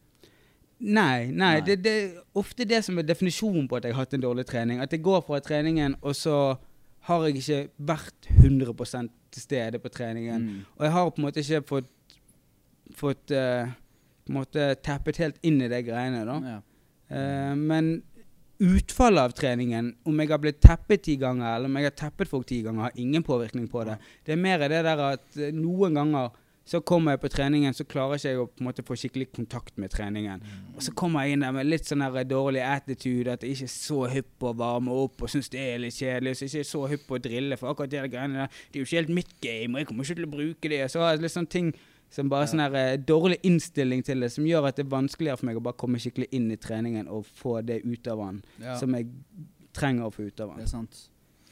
Jeg, ehm, jeg savner litt denne følelsen å komme hjem og være nedbrutt. Og føle at jeg har gjort noe den dagen. Den, altså noen, Etter en lang uke, når vi nærmer oss sånn type fredag- og lørdagstreningene, så er det sånn hvis jeg har en, en tung fredag, så er det sånn jeg går hjem og ligger meg på sofaen i Jeg kan ligge i fosterstilling og se som ett øye på TV, og så kan Anette komme forbi og bare sånn Hvorfor ligger du i fosterstilling? Og det er sånn, jeg har ikke lagt merke til sjøl engang. Det er bare sånn, jeg, jeg er helt knust etter uken. Og Den følelsen savner jeg litt, fordi det har vært litt lite uh, jeg, får, jeg, føler ikke vi, jeg føler ikke vi får Eller i hvert fall jeg for min, jeg får ikke pushet meg sjøl så mye akkurat for nå for tiden. Så Du, jeg du vet du sårer Lasse veldig nå med de tingene du sier. Nei, men for faen! Han, han, han, Han klarer det. Han har det sånn, han. Nei da, men, men, det der, men det er jo litt det der og, og så meg og Lasse kan fint gå seks-syv runder på rad, det er jo ikke det som er tingen, men, men det blir jo å utfordre det der mønsteret, sant? at du møter en ny person hele tiden, Ja, du må ja. tilpasse deg, det blir annerledes. Så liksom, det er jo både, både psykisk og fysisk Mm. slitende. sant? Og så når, den, jeg savner litt den der følelsen bare komme hjem og føle jeg har gjort Jeg har hatt det jævlig gøy, jeg er fornøyd med det jeg har gjort, men jeg, jeg klarer ikke mer. Jeg, jeg er nødt til å ligge i ro nå. Og den følelsen savner jeg litt. Grann. Eh, For min del er det litt også det der å ha to separate steder der hvor ene er på en måte trening, og det andre er på en måte hjemme. Sant? Men når du har liksom begge i samme sted, så blir det veldig fort sånn at du, du, du klarer ikke å finne den der eh, overgangen, da. Sant? Litt sånn som det, det å tappe inn på det som Sipo snakker om, er at eh, eksempel det at du hører på musikk på vei til trening, det er litt sånn Jeg føler at det er en ritual for å tappe inn i den type sonen. Mm. Mens du står opp, og så er matten der, liksom. Det er- du, du rekker ikke å Ja. Du kan høre på ti sekunder av en sang, og så er du inne der. Liksom. Ja, visst. Ja, og eh, for meg er det òg den der eh, Jeg syns det er utrolig gøy å liksom få tid til en dagtrening, komme inn der, se masse folk som du ser veldig sjelden, rulle med noen nye folk som du aldri har møtt før. uh, og så går du på en advanced-trening og ruller med folk du som er langt over det nivået en sjøl har, og få juling, dele ut juling. Det er en, det er en veldig, veldig viktig del eh, av, eh, av eh, liksom hverdagslykken. Men det som jeg har tenkt på Hvor mange tror dere Eller, det er umulig å si, da. Men det jeg lurer på, er om det er mange som faller fra i klubben nå, om denne perioden. Altså når vi skal begynne igjen, tror du det er mange som Så Jeg tror definitivt det. Tror du Altså. det? jeg tror det kommer til å ta tid før ting er tilbake sånn 100 Mm. Eh, For så vidt, jeg tror medlemsbasen vår har vært veldig bra og solid så, så langt. Vi har vært veldig heldige at folk har lyst til å støtte på en måte klubben gjennom perioden. sant? Det er jo mange mange klubber som kommer til å gå konkurs eh, pga. denne situasjonen, der hvor også de mister medlemmer. ikke sant? Og de har på en måte ingen måte å opprettholde Ja. Eh, businessen, da. Men, men jeg tror eh, for vår del så har vi vært ganske heldige. Men hvorvidt eh, oppmøtet kommer til å være det samme etter perioden, det har jeg Nei, kanskje ikke sjans. Altså, sannheten er jo at hvert år, eh, både i januar og i, etter sommerferien, Mm. slutten av juli og august, så er det en ny batch med folk som kommer inn, medlemstallet går opp, og så innen neste sesong, periode, starter opp igjen, Mm. så er veldig mange av de falt av. Og vi vokser jo gradvis og blir større og større. Men hvis hver av de innskuddene av folk hadde blitt, så hadde jo vært tre av dette lokalet som Mm. vi er allerede full av folk. Sant? Så Mm. det er jo veldig mange som begynner, og veldig mange som slutter jevnt og trutt hele tiden. Og jeg tror at uh, før denne perioden var, så var det mange som sluttet uten at de engang visste det. Sant? De kommer kommer en trening i morgen, de Mm. kommer kanskje to treninger i måneden. Nå er de blitt tvunget til å være vekke fra det en god stund, og så skjønner de at dette her er ikke noe jeg egentlig driver med. Sant? Ja. De, Ja, de glemmer det egentlig òg, bare etter hvert. sant? ja, og de har på en måte det forholdet til det som Ja, det er vanskelig for de å, å motivere seg sjøl til å gjøre det. Den dørstokkmilen blir for stor veldig ofte, og så nå kommer den til å være mye større Mm. for mange. Og jeg tror eh, det kommer til å være en boom med folk som kommer tilbake helt i begynnelsen òg, og holder et par uker, og så detter av igjen. Jeg tror, jeg tror noen kommer til å brenne seg fort. Ja. Spesielt hvis de ikke har vært særlig aktive. Og jeg tror dette er en tid for mange folk som trener veldig lite i jiu-jitsu, til å si 'Å, jeg savner det så Ja. sinnssykt', 'Å, jeg skulle ønske jeg var tilbake på matten'. Ja. Mens realiteten, hvis du delte opp antall treninger de har på et år, så er ikke den største pausen de har hatt Nei. fra jiu-jitsu. må jo være Men det må jo være det verste du kan gjøre med deg sjøl, å trene jiu-jitsu sjelden. For det, altså, det er jo tungt, eller det er jo vanskelig Folk er Nok forskjellige. når du går der mye. Jeg gjorde det. Jeg, jeg var sånn i begynnelsen. Hele tiden av og på. Jeg var på en liten Ja. periode, så var jeg vekke lenge, og så kom jeg tilbake, og så var det like tungt Ja. hver gang. Ja. Jeg, jeg er veldig glad for at jeg endte opp med å fortsette, for i retrospekt så har jeg sett at det har vært veldig lett for meg å bare slutte, fordi det har vært ganske kjipt hver gang å begynne på igjen, for det var jævlig å få, liksom, få juling og være ute av form. og og spesielt på den tiden når Vinny hadde fuckings de verste oppvarmingene i historien av oppvarminger. Altså Det var, det var bootcamp-oppvarminger på de treningene på tirsdag og torsdag. Og Hvis han da så at du var tilbake etter en liten pause, så var det kanskje Nei, sånn faen, det var bare, jeg, husker, jeg husker tankegangen da. Det er jo, dette er jo mange år siden nå, men jeg husker at det var liksom Jeg følte alltid hvis jeg overlevde oppvarmingen og følte jeg hadde litt energi i kroppen, Mm. da var jeg good resten av treningen. Da var jeg liksom, da var jeg sett, da kunne vi kjøre på. Men hvis jeg liksom så vidt overlevde oppvarmingen og var helt kjørt, så var jeg sånn, da får jeg ikke noe mer ut av treningen. Så jeg, jeg tror jeg, jeg føler meg mye hjemme i det Sipo sier. Jeg tror det er mange som som kommer til å være veldig sånn 'Å, jeg savner jitsu nå.' jeg savner jitsu nå. Så når vi Mm. åpner opp, så kommer du til å se de to ganger, og så Ja.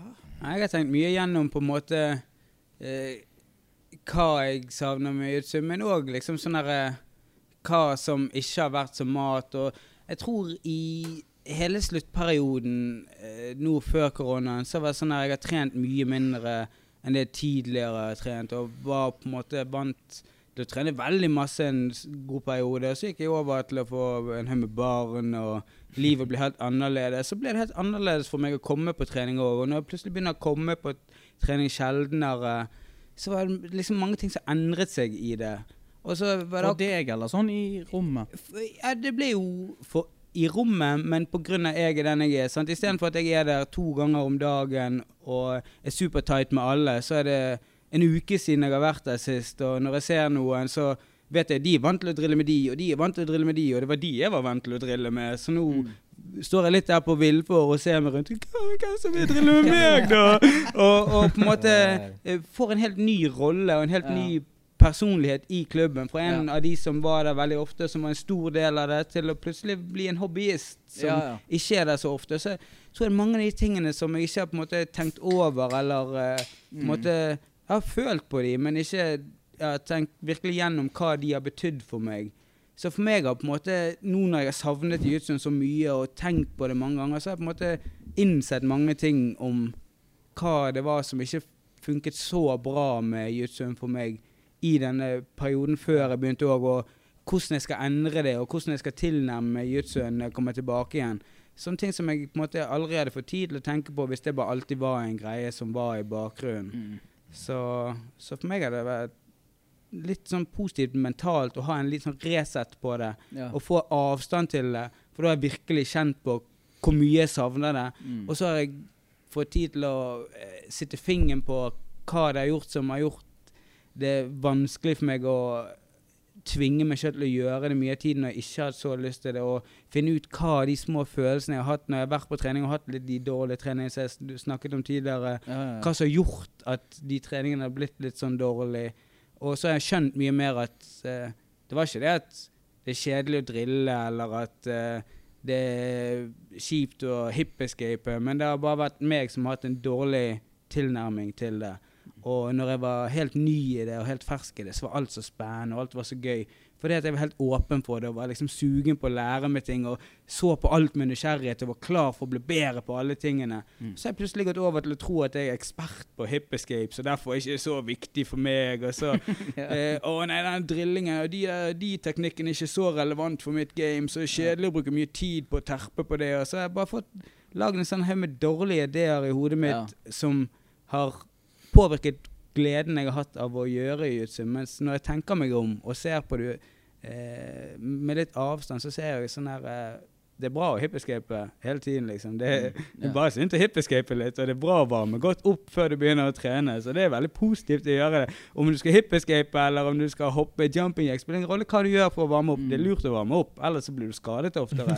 Ja. Og selv om ikke de eh, drillsene er hyperaktuelt for akkurat sånn som jeg, eh, det gamet jeg holder på med, så bør jo jeg få et mye større game. Jeg har jo ikke lært jiu-jitsu ennå. Jeg bør jo lære meg tusen nye ting. Jeg må ikke holde fast på de tingene jeg er god på nå og tro at det er gamet mitt. Jeg har bare begynt å lage et game, liksom. Jeg har ja, tusen jeg ting jeg må lære meg å bli god på. Jeg må øve på alle tingene. Jeg må øve på alle tingene mye mer enn det jeg har gjort før. Og jeg må ha en annen innstilling til treningen. Ja. Så jeg tror det har på en måte vekket meg litt opp eh, til å se Ja. hvor dårlig, eller hvor, hvor mye dårligere eh, elev jeg var blitt på den tiden jeg har Mm. vært der. For det har på en måte endret litt tilnærming til det, og trodd Kanskje jeg har bygget opp et lite ego òg etter hvert eh, overfor hva som funker. Og jeg tror jeg har vært altfor konkurranseinnstilt i i selve treningene. Ja. Så jeg har fokusert veldig mye på hvordan sparringene går, og hva jeg får til mot hvem, og, og så, hvordan jeg kan bli bedre og kan bli bedre. Og, og det var sånne ting som jeg bare fokuserte på kanskje to uker før, rett før konkurranse. Når vi begynte å nærme oss, så bare sånn «Å, Nå må du tenke på dette her. Men så har jeg konkurrert mye sjeldnere. Det blir ikke den tilspissningsperioden. Treningene har blitt lengre fra hverandre. Så er bare mye av de tankene blitt Mm. skubbet inn i selve treningen. Og treningen er jo ikke konkurransen, det er jo muligheten for å lære å vokse og bli Men du måtte bedre. litt vekk fra, fra gymmen, da? Ha litt tid Ja, ja, det er nå når jeg har på en måte fått distanse til det hele, og Ja. ikke har Når jeg savner det, og ikke har det her, så må jeg se på det på et annen måte. Og så må jeg bare se på hvorfor jeg savner det, hva jeg savner, Mm. hva jeg ikke savner, hvorfor savner jeg ikke det. Og de fleste tingene som jeg ikke savner, de er fargelagt av at jeg har blitt litt dårlig elev og litt, fått litt dårlig innstilling til mange av treningstingene pga. de ikke gir sånn umiddelbar glede, sånn som alle tingene alltid har gjort gjennom Ja, ja, YouTube. ja. Som en gang det har blitt litt sånn litt eh, Litt eh, småkjedelig å gjøre det, så jeg tror sånn, ja, det er verdiløst. Mens det er masse verdi i det ennå. Jeg har bare fått en feil innstilling til det. Det, altså, det som du snakker om nå, det har jeg sett så utrolig mye blant musikere. Og liksom Du har gjort ting i mange år, så begynner du å gå på en måte litt på sånn eh, Altså, du, du slutter å Eller du husker ikke Du har glemt hvorfor du gjorde det. Ja. Sant? Ja, Og så bare gjør du det, men så gjør du det likevel. Sant? ja da. Men, litt men sånn- med litt forakt. Ja, med litt forakt. Og så litt sånn OK, skal vi ha den lydsjekken? OK, da jeg kan komme i studio og være med og mikse den låten. sant? Så det er bare Bare sånn begynn lydsjekken, dere. Jeg kommer Ja. på slutten. Ja, jeg kommer etter. Der sitter det. Og så gjør du noen dårlige konserter, eller du er og så, Men en ting du aldri vokser ifra, det er denne, det der kicket av å være i studio med noen du er glad i, og har laget en låt du syns er dødsfett, alle bare sånn 'Dette ble jo jævlig bra.' Eller en konsert som gikk jævlig bra. Og, og den følelsen den glemmer veldig mange musikere når de har enten blitt gjort det masse, blitt yrkesmusikere og sånn. Og jeg føler når du forteller om det, så er det veldig likt sånn som mange jeg kjenner har det med musikklivet når det er gjort i mange år. da. Jeg føler jo det er mye mer Det er mye ting jeg ser i andre folk som trener jiu-jitsu òg, og mye det er mye vi syter over og klager over, og bare sånn der eh, i det små og litt sånn på hjørnet når vi på treningen bare sånn Å, skal vi gjøre dette her? Arm drags. Når brukte du en arm drag sist? Og så er det bare sånn der eh, ja, Hvis ikke du brukte en arm drag for lenge, så kanskje du burde trene litt på arm drags. Kanskje derfor du aldri bruker det, for en arm dragen din suger. Og det er liksom mange som Du lager sånne egne historier oppi hodet ditt for hvorfor eh, eh, ting ikke er akkurat sånn som du skulle Ja. ønske de var. Men så i virkeligheten så er det kanskje eh, deg sjøl du burde jobbe litt med, Mm. og, og eh, tilnærmingen til de tingene. Apropos arm drags. Um så vi var og konkurrerte, og jeg tror det var Jeg mener at Teta fikk en heftig arm drag på en eller annen konkurranse. Alle var sånn superhyped og sånn, men den sommeren, 2014 tror jeg det var, det var bare arm drags. vi, vi lærte arm drag. det funker. Dere husker den der berømte armdragen min fra denne turneringen her? Nå skal du få se den òg! Du skal få se den. Ja, skal gjøre det. Men altså samtidig eh, Altså, to måneder med armdrags. Du blir jo flink på armdrag, da. Ja Det er da, ja da. Det er Det er litt pinlig når folk gjør det på deg. Av en eller annen merkelig grunn så er det litt sånn Men det er legit teknikk. altså, hvis det er én ting du skal ta med deg i livet, altså sånn til Ja. street fight-nivå, liksom, så er armdrag en legit teknikk. Ja, super legit. Jeg lurer på om heller jeg går for jab. Ja, Altså. ja, men altså, sånn, hvis vi bare tenker den, liksom Nei, men jeg tenker sånn stritteknikk. Color choke. Nei, men armdrag armdrag er, armdrag er lenge før kvele ut-punktet. Armdrag er sånn derre Å ja, du er litt aggressiv, og du skal gripe meg. Armdrag. Jeg, begynner, jeg er på ryggen din nå, og du skjønner at du ikke har kontroll over situasjonen. Så det, det er deeskalerende samtidig som det er jiu-jitsu-ete. Ja. Det er ikke det samme som å bare så stupe på halsen din og kvele deg.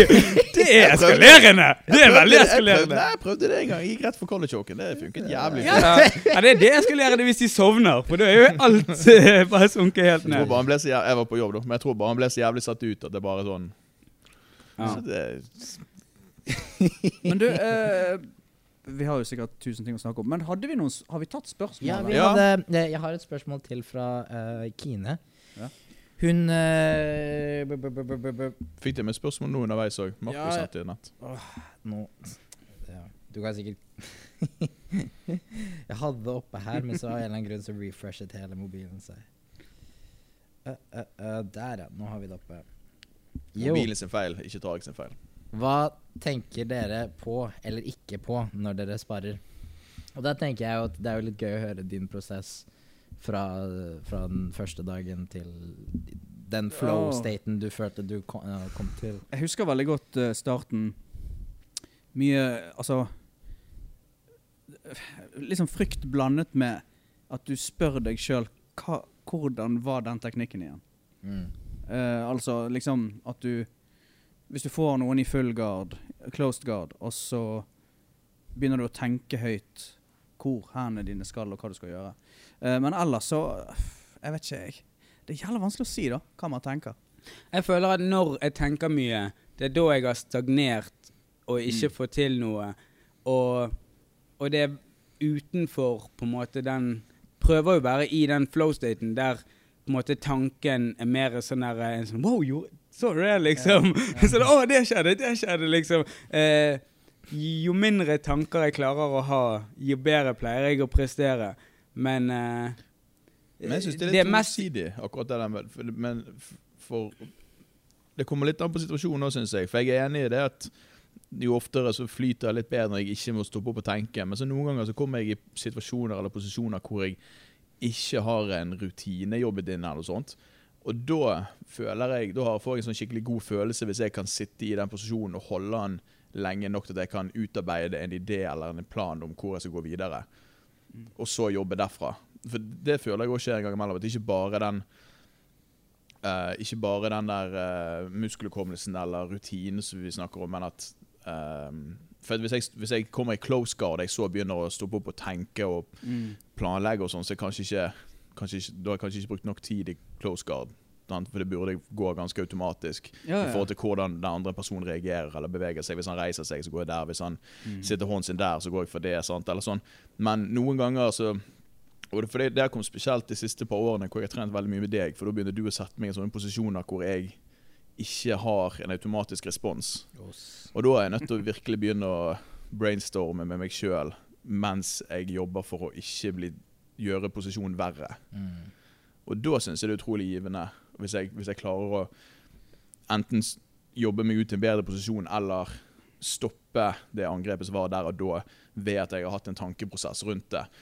For Hvis du setter opp med fotlås og tenker okay, men hva vei går? Han går den veien, ja, da er jeg nødt til å gå Da burde jeg bevege meg rundt der, kanskje flytte den foten. Og da blir det jo litt sånn eh, Prøve seg frem og drille, men da føler jeg at du må være litt obs på hva du gjør. Ja, ja. Så, den der, eh, men, så jeg syns det er litt todelt, akkurat det med, tenke, det som du sier med tenkingen. Yeah. For jeg syns ikke det bare er sånn at Nei, hvis du tenker, så er det negativt, og Nei, nei, men For meg er det bare sånn at jeg klarer ikke å tenke klart når jeg er skikkelig sliten og, og ting er tøft. Så derfor stoler jeg mye mer på intuisjonen min og bare eh, på en måte prøver å flyte med og gjøre, gjøre ting Mm. istedenfor å tenke. Og, og det er ikke som at jeg er helt tanketom. Jeg prøv, men, men på en måte det er veldig lite av det som er kontrollert fordi at du òg gjør noe, samtidig som jeg prøver å gjøre noe. Ja, ja, Så gjør du òg noe. Sånn at jeg får på en måte aldri eh, satt opp en plan og gjøre det. Sånn at mesteparten av tenkingen min om, om sparingen, om, om hva jeg skal gjøre, og det, når den skjer før runden, og så refleksjonen av det etter runden, Mm. der jeg går på en måte og grubler på hva som skjedde, hvorfor det skjedde, og hvordan det, hva jeg kunne gjort annerledes. Sånn det. Men i selve akten så prøver jeg å overlate det meste til intuisjonen mine. Pga. all den tiden der tankene mine kommer inn i det, så Mm. er det på en måte aldri noe som blir løst før du gjør ditt neste trekk. Og eneste tingene, på en måte små sånn tanke... Tingene som jeg tenker på, som jeg får til, og som faktisk blir gjennomført, det er sånn der Å, jeg får ikke tak i den armen, jeg får ikke tak i den armen. Å, vent, jeg tar buksene hans, og så kommer han og tar armen min, så tok jeg armen. Det er sånne ting. Det er bare de aller enkleste. Det er sånne småting jeg kan vinne. Sånn der å, Eh. han trekker armen bak. Ah, jeg får ikke tak i den, men jeg vil ha den. Og så bare sånn Å, vent, jeg lurer han, og så tar jeg det der. Og så da han tar han, så to, pikk. Men det er kun så enkle ting. Hvis det er mer komplisert enn det, det er kun finter. Det er sånn derre Det er den der jeg kan tenke meg til. Ikke noe mer enn uh, sånne enkle småting. Det meste andre, det det må jeg komme inn i en eller annen form for flyt for å få det til. Mm. Jeg tenker jo litt sånn på det taktiske, eh, der vil jeg backe litt opp under det Christian sa. Er, uh, for min del er jo Jeg kan gjøre si single leg X sweeps kan jeg gjøre for days, liksom, uten å tenke noe særlig på det. Men, og, og toe holds derfra og litt sånne ting. Men det å være på kanten av en matte og vite at hvis jeg toeholder han i denne retningen, så vil vi rulle ut av matten, og jeg får to poeng. Og så kan vi resette i midten. Så liksom når du kommer med det taktiske oppå Ja. det hele, så er det plutselig mye mye mer viktig at du på en måte er obs på at OK, eh, du kan ikke bare tilfeldigvis falle utenfor matten, og så må du bli reist opp igjen, og så skjer ingenting. sant? Men hvis du har en submission og du ruller ut av matten, så plutselig har du to poeng i tillegg, og du resetter. sant? Så det er litt så, sånne små taktiske ting der hvor det vil alltid være forskjellig ut ifra hvor du er på matten eller med motstanderen og sånne ting. Og akkurat det føler jeg det er kanskje de tingene jeg måtte være mer obs på uh, i lilla og brunbeltet. Mens blåbeltet så var jeg sånn Shit, her er det en Dars. Her, Men på trening, er det sånne ting som går gjennom hodet ditt? Da, er det på en måte ingen rammer rundt. Det er på en måte ingenting Men du trener deg litt opp til det, sant? Så du må, du må på en måte lære deg å være kreativ på å tenke at OK, hvis mattelin- eh, matten hadde sluttet her, så kunne jeg på en måte hatt den og den muligheten for å score poeng. Men nå vil jeg liksom gjøre det for å sikre meg den fordelen der, liksom. Så hvis du har den tankegangen også litt i bakhodet mens du ruller, så vil ikke det komme helt fremmed når du kommer til konkurransen heller. Uh, så jeg, jeg føler at i essensen av jiu-jitsu i seg selv burde gå liksom veldig tankefritt, i hvert fall når du har nådd et visst nivå. Men det taktiske kommer alltid til å være som en sånn eh, grubler på det hele. Ass. Og altså, plutselig så får du en sånn fordel mot deg som egentlig ikke han fortjente, sant? men du bare Fader, det her forventet jeg ikke. Og da er hele greia flippet opp, ikke sant. Så plutselig må du eh, gjøre om på hele gamet ditt. Så konklusjonen til Kine Ja. Nei, vi tenker på mye rart. Alt vi sa nå. Ja, nei, ja, men det er jo, det er jo for så vidt bra tema. Av en eller annen merkelig grunn, det som vi snakker om på Q&A, av en eller annen merkelig grunn så sitter det seg veldig fast i hjernen min, og jeg har en Q&A du Veldig dårlig hjerne. fredagstimene Ja, til ja, ja. Fivel? Ja. Uh, altså, ting som jeg har spurt om der, det dukker opp hos meg under rulling.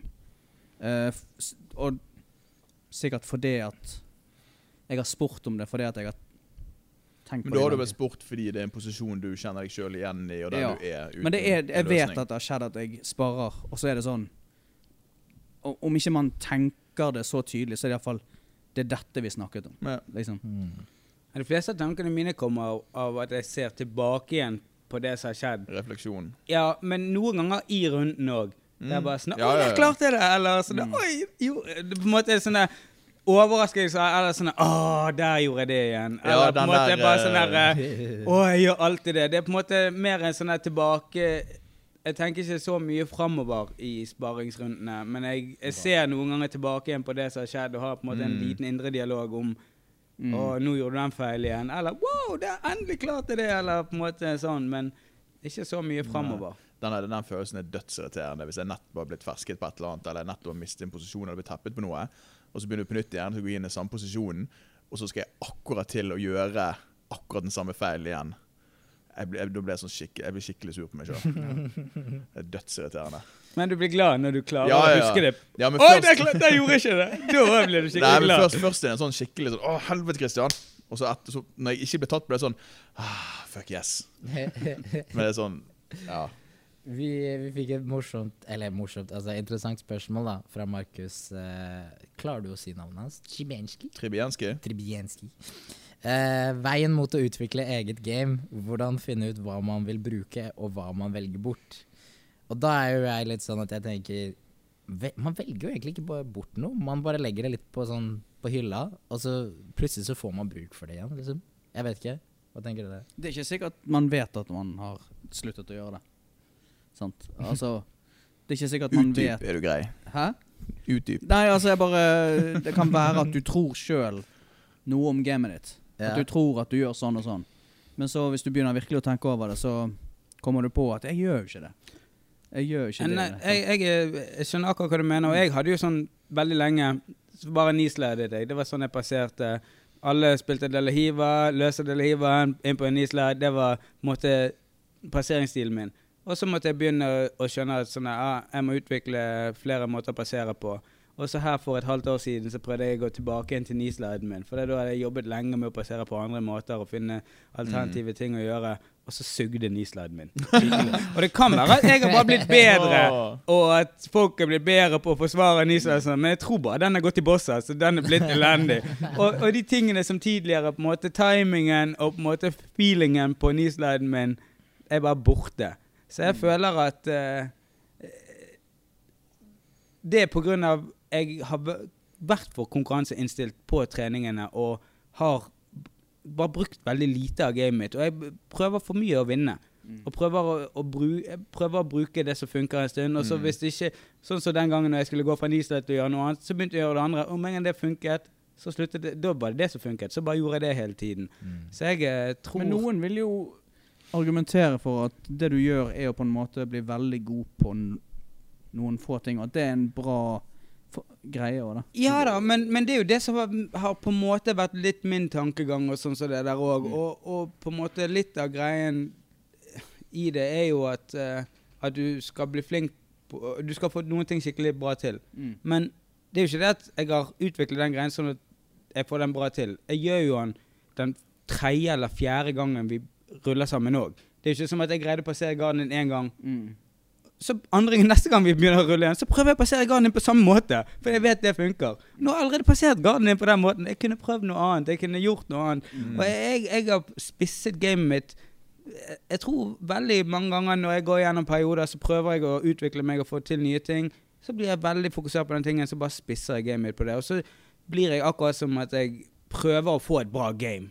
Mens i virkeligheten tror ikke jeg det er så bra, viktig for meg å ha et, et skikkelig bra game. Jeg har jo lyst til å lære så mye jitsu som mulig, Ja. og få et så stort bredt spekter av teknikker. Og mer enn det, å bruke de teknikkene og flyte mellom de ulike teknikkene og være eh, en relativt god på mange ting. Jeg prøver ikke å bli eksperten på Nisdal. Jeg prøver å bli ganske god på mange ting. Ja, ja. Så jeg tror eh, jeg prøver å gå litt vekk fra det eh, å lage et game og på en måte eh, Bare lære mye. Ja, ja, bare gå tilbake igjen til å innse at jeg er ganske fersk og har masse igjen å lære. Ikke prøve å dyrke noen sider av det. På. Kanskje det kommer til å stå i veien for utviklingen min. Og det endelige resultatet nå er ikke det endelige resultatet. Jeg er fortsatt på veien til, til å bli den som skal lage gamet sitt. Og kanskje jeg kan lage gamet mitt om fem år. Kanskje da er det på tide å gjøre det. Men jeg har innsett nesten nå at det er for tidlig for meg å begynne å lage et game. For jeg har altfor mange ting som jeg ikke er god på. Jeg har altfor mye uutforskede sider som jeg ikke vet. Det kunne vært at egentlig jeg er en single leg X-keys. Men siden jeg ikke har hatt noe suksess med det tidlig, så har jeg bare ligget det på hyllen. sant? Men Ja. jeg må begynne å jobbe mye mer med alle tingene. Så får jeg begynne med det der lage et game mye seinere. Ja. Og bare bli bedre på å være en god elev og lære masse. Og prøve så godt jeg kan på å forstå mest mulig av mest mulig ting. Og så ikke bry meg så mye om det ikke resulterer i submissions i treningssessionsene. Men kanskje jeg kan tenke på det store sluttresultatet. At til slutt så kommer jeg til å være et svartbelte med masse triks, istedenfor at jeg blir en svartbelte med noen spesifikke, veldig, veldig skarpe triks. Så i hvert fall min nye tilnærming. Der er vi forskjellige, ass. Men jeg tror jeg har skiftet Ja. litt på det i det siste.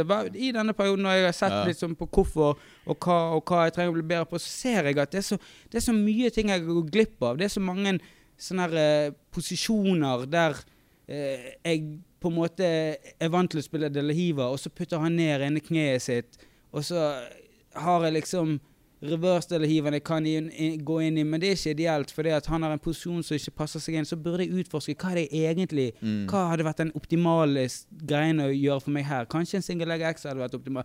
Kanskje en eh, lassogard. Kanskje jeg må se mye mer på hva som foregår, og prøve å forstå hva som er det optimale å gjøre i alle de ulike situasjonene, Mm. istedenfor bare å tenke på hva jeg er god til å gjøre, og prøve å tvinge det til å bli det som skjer i de posisjonene. Ja, ok, ja, da, er- da er jeg mer med på det. Sånn, Fordi jeg har lyst til å eh, se mye mer sammenhengen i posisjonene som jeg er i, og de er i, og hva, hva muligheter som er der, og hva eh, som kanskje eh, er underutforsket i meg, og hva som For jeg, jeg går bare til de tingene jeg er god på, og derfor Mm.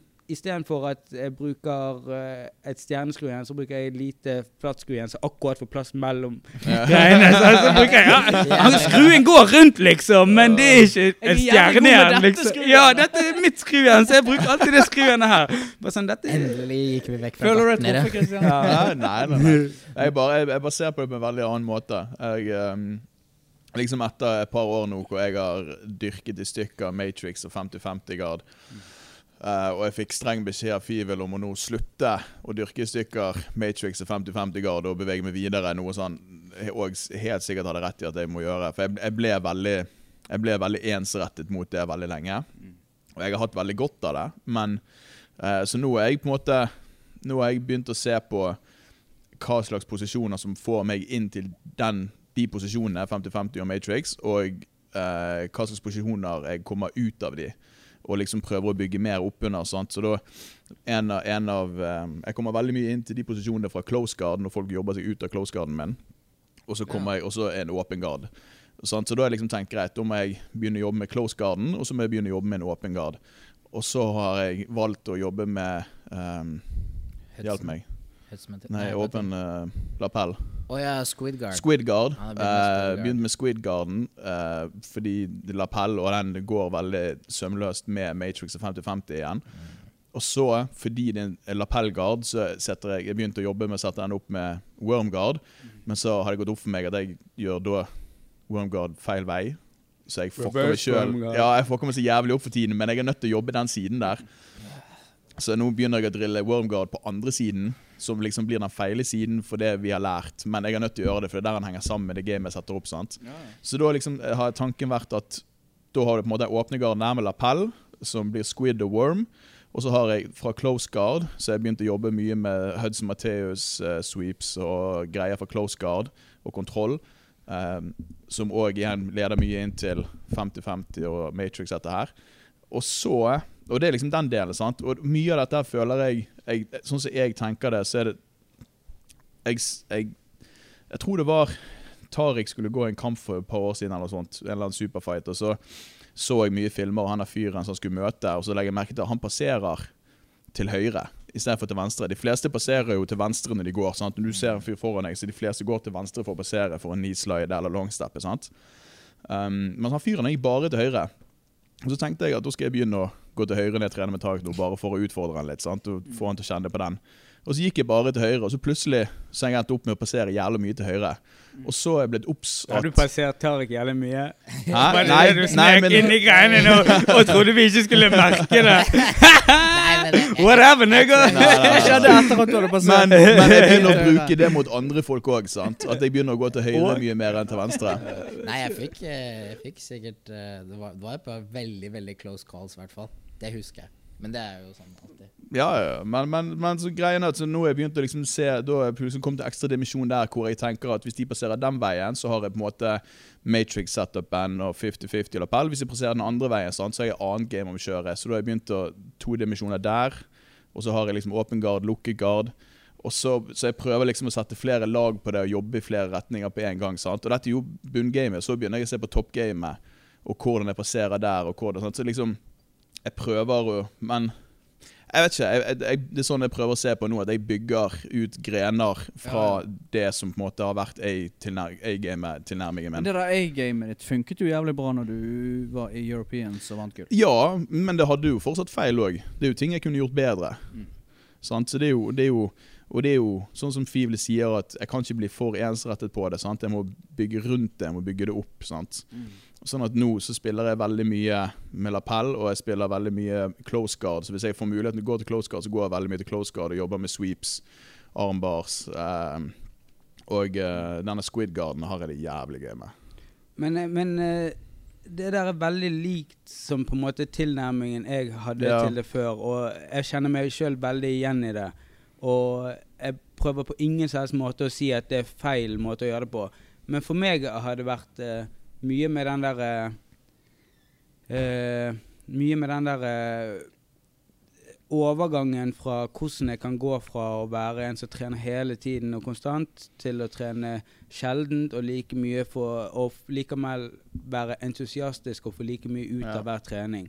Og så har det vært vanskelig for meg å komme Sånn sånn som den siste tiden, så hadde jeg bare tid til å komme på advanced-treningene. Så jobber vi på eh, noe escapes fra noe squid guard og noe eh, avanserte teknikker, og så går jeg rundt med en sånn følelse og sånn der, ah, ja, det Disse teknikkene er litt irrelevant for meg, for det er ikke akkurat det jeg holder på med å prøve å Mm. utvikle meg med å bli flink til. Og så går jeg rundt og på en måte, jeg gjør drillsene, men jeg er ikke så entusiastisk eller lever ikke meg så mye inn i det av det er ikke på en måte helt der jeg er i hodet mitt for, for det jeg tror på en måte er så viktig for meg å utvikle. Jeg tenker at dette kommer jeg ikke til å bruke nå. Mm. Så det er ikke så relevant for meg å bruke det nå. Men når jeg ser tilbake igjen til begynnelsen av YouTube-ferden min, så var det ingenting som var gamet mitt. Da hadde jo ingenting som var relevant for meg. Og hver gang, hver uke som gikk, så lærte vi nye teknikker. Så føltes det helt usykt. Men jeg har jo ikke blitt god på det forrige engang. Men selv om jeg ikke var blitt god på det forrige, så hadde jeg godt av å lære det nye òg. Og selv om jeg ikke begynte å bruke det før kanskje to år etterpå, så lå det der brygget i bakgrunnen. Og når neste gang jeg tilnærmet de, med de tingene, så eh, var jeg mye mer klar for dem. Bare pga. det jeg hadde vært eksponert for det tidligere, fått, innsikt, fått en liten innsikt i det. Og når jeg kom tilbake til det da, og begynte å bruke det, så var det mye mer kjent og mye lettere å ta det til meg. Og nå når jeg eh, kanskje trener to-tre ganger i uken, da er det Kommer jeg på treninger, så blir jeg eksponert for nye teknikker. Hvis jeg istedenfor å prøve å holde fast på det gamet mitt og de tingene som jeg jobber med, og hvordan jeg kunne tenke meg å bli, og det er at en bruker tiden på å dykke inn i de teknikkene vi lærer, og se på det skikkelig, prøve de i sparringsrundene, utforske de litt, gå videre neste trening, prøve på de nye tingene og åpne meg opp til å på en måte eh, delta i det vi holder på med når vi er på trening, istedenfor å være så fokusert på gamet mitt og mine tanker om hvordan eh, min jiu-jitsu skal være i det store og det hele, så tror jeg det blir lettere for meg å, å, å leve meg inn i det og ta, Mm. meg, ta det mer til meg. Og når det begynner å nærme seg eh, konkurransetid igjen, eller tid for å bestemme for hva jeg har lyst, eller hva jeg er god på, og hva jeg er, så er jeg enig med at da må jeg over tilbake igjen på den mindseten og finne ut virkelig å dyrke ting og komme nærmere eh, konkurranseklar og få ting til skikkelig. Men jeg tror nesten at for min del i hvert fall, så er det en ting som burde være en liten del av jiu-jitsuen, siden jeg konkurrerer lite. Mm. Og så burde en mye større del av jiu-jitsuen være å absorbere mye og prøve mye og leke mye.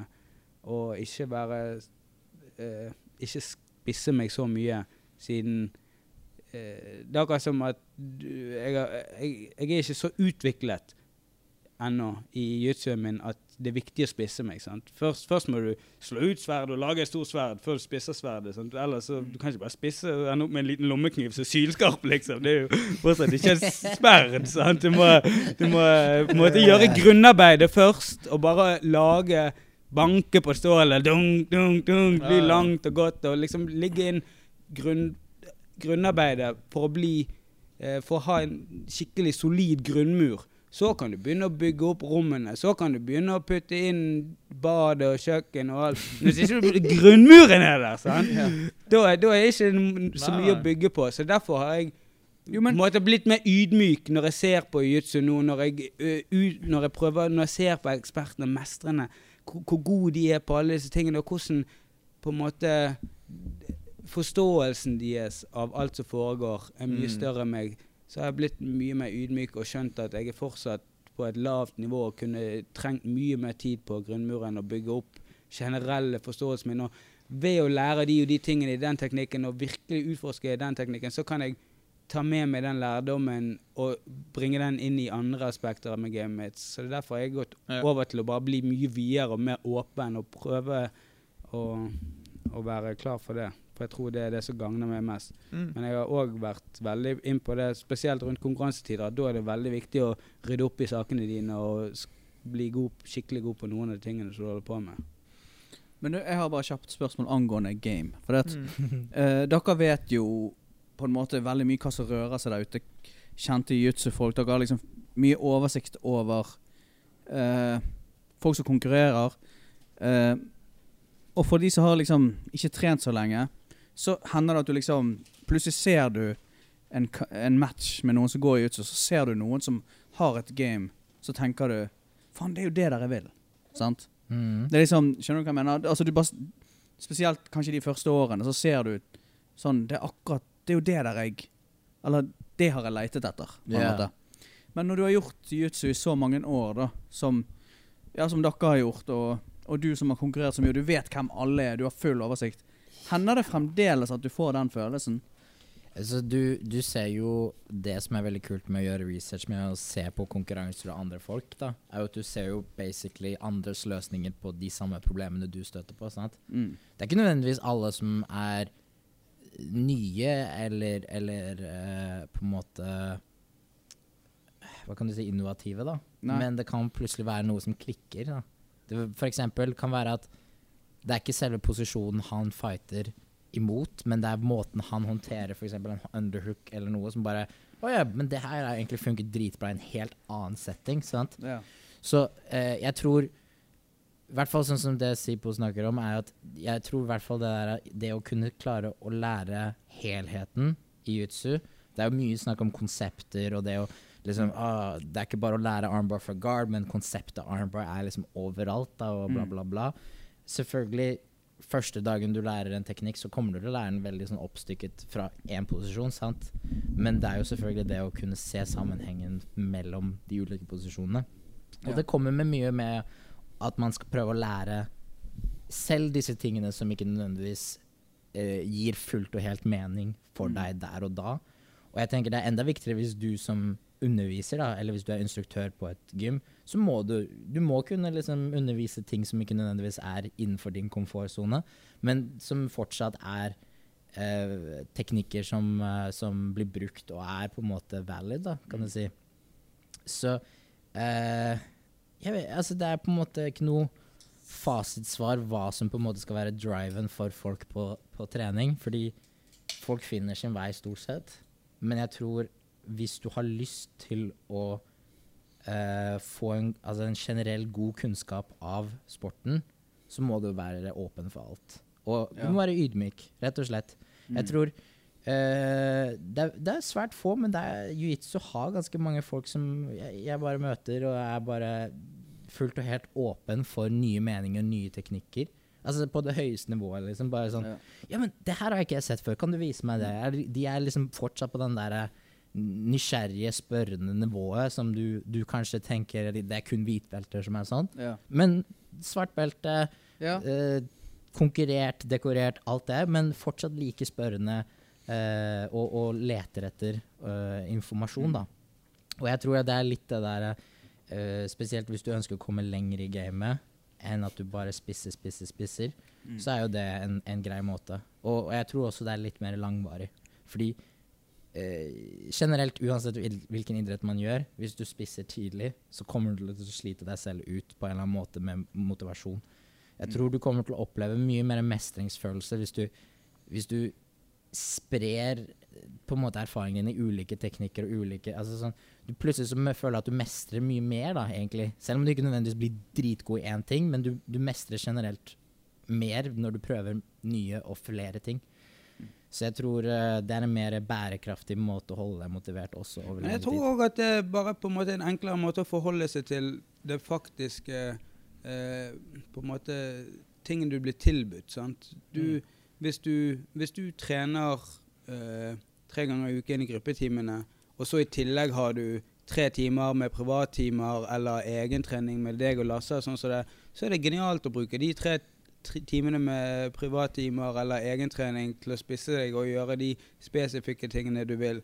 Men jeg tror at det som jeg har gjort feil, og det som på en måte jeg har lyst til å endre på, er at jeg ikke har dratt skikkelig nytte ut av hele den treningstimen som ble blitt tilbudt når jeg kommer til den, pga. at jeg har hatt et fokus på, på noe annet. og jeg har Mm, ikke sett relevansen av det til akkurat det jeg har holdt på med. Og istedenfor å på en måte virkelig dra nytte, virkelig stupe inn i det som foregår akkurat der og da, så har jeg på en måte vært litt frakoblet det og jobbet meg gjennom det. Gjort tingene som jeg skulle gjøre, men ikke med entusiasme.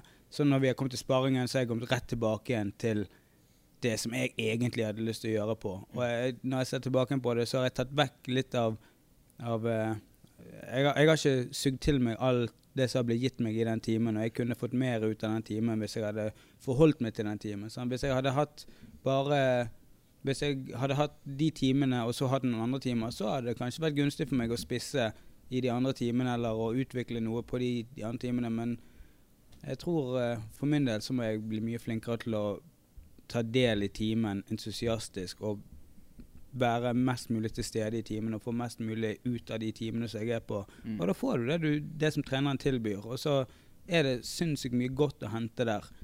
Og det er sikkert mulig å gjøre det og å spisse seg, men det er ikke Det er ikke eh, mulig for meg som bare er i de timene. Da kan jeg enten tenke på noe annet eh, under de tingene, eller tenke hvordan det ikke er relevant for meg, eller jeg kan virkelig belite meg på at det er dette vi lærer i dag, og at det dette jeg skal prøve å bli bedre på i dag, og prøve virkelig å bli bedre på det i dag, og konsentrere meg om det. Så det var litt sånn jeg kom fram til den konklusjonen. Det beste jeg vet, er uh, Uansett om det er jeg som underviser eller noen annen som underviser, er å prøve å gjøre de teknikkene vi gjorde i dag, på noen. Ja, ja. Så at, eh, og en ting er, Det beste er hvis, hvis Sivis Fivel har vist oss en eller annen eh, lapellgreie eller noe sånt, og så prøver jeg å gjøre det på fivel etterpå. Det, det, og hvis du får det til enda bedre, sant så det, Eller når du ikke får det til, så sier Når du prøver det på fivel, og han defender det, så sier han ha dette lærte deg ikke! Jeg, jeg føler i hvert fall Uansett da hva du gjør altså det, det bringer meg mye glede å prøve eh, de teknikker man lærer den dagen, på sparringen. da Mm. Eh, selv om det ikke er nødvendigvis posisjonssparing og, eh, og sånn og sånn at du må gjøre det, så er det på fortsatt Du kan jo legge det selv opp til deg selv, da. Ja, og du kan se etter det, og prøve å finne ut når du skal bruke det, og lete etter den åpningen i sparingsrunden. Og hvis du leter etter den, så finner du den kanskje, og så plutselig blir du åpen for at det kan være en greie. Så da er spørsmålet, Kjartan, er du et sverd eller en kniv? Jeg? Det tror jeg dere vet. For Markus. Markus spurte jo eh, veldig spesifikt, så spør han jo hvordan du vet hva teknikker du vil plukke opp og hva du vil legge fra deg. Men da føler jeg jo at det, det kollektive svaret her blir jo oversatt til at du på en måte Du vil ikke legge fra deg noe, Nei, altså, men du kan gjerne plukke opp noe. For det føler jeg Det blir jo sånn Hvis du skal være med på treningene for Eksempelvis du sier at man kan ha pri- privattimer, og du kan ha felles treninger med alle sammen på dag og kveldstid, og du kan trene hjemme med noen. Det finnes, masse forskjellige måter man kan trene og tjene informasjon på. sant? Men hvis du eksempel går opp en kveldstime, og du blir undervist noe som ikke er la oss si, relevant til det som du vil ha skal være ditt game, så burde ikke du avskrive det, men du burde ta del i det og suge det opp.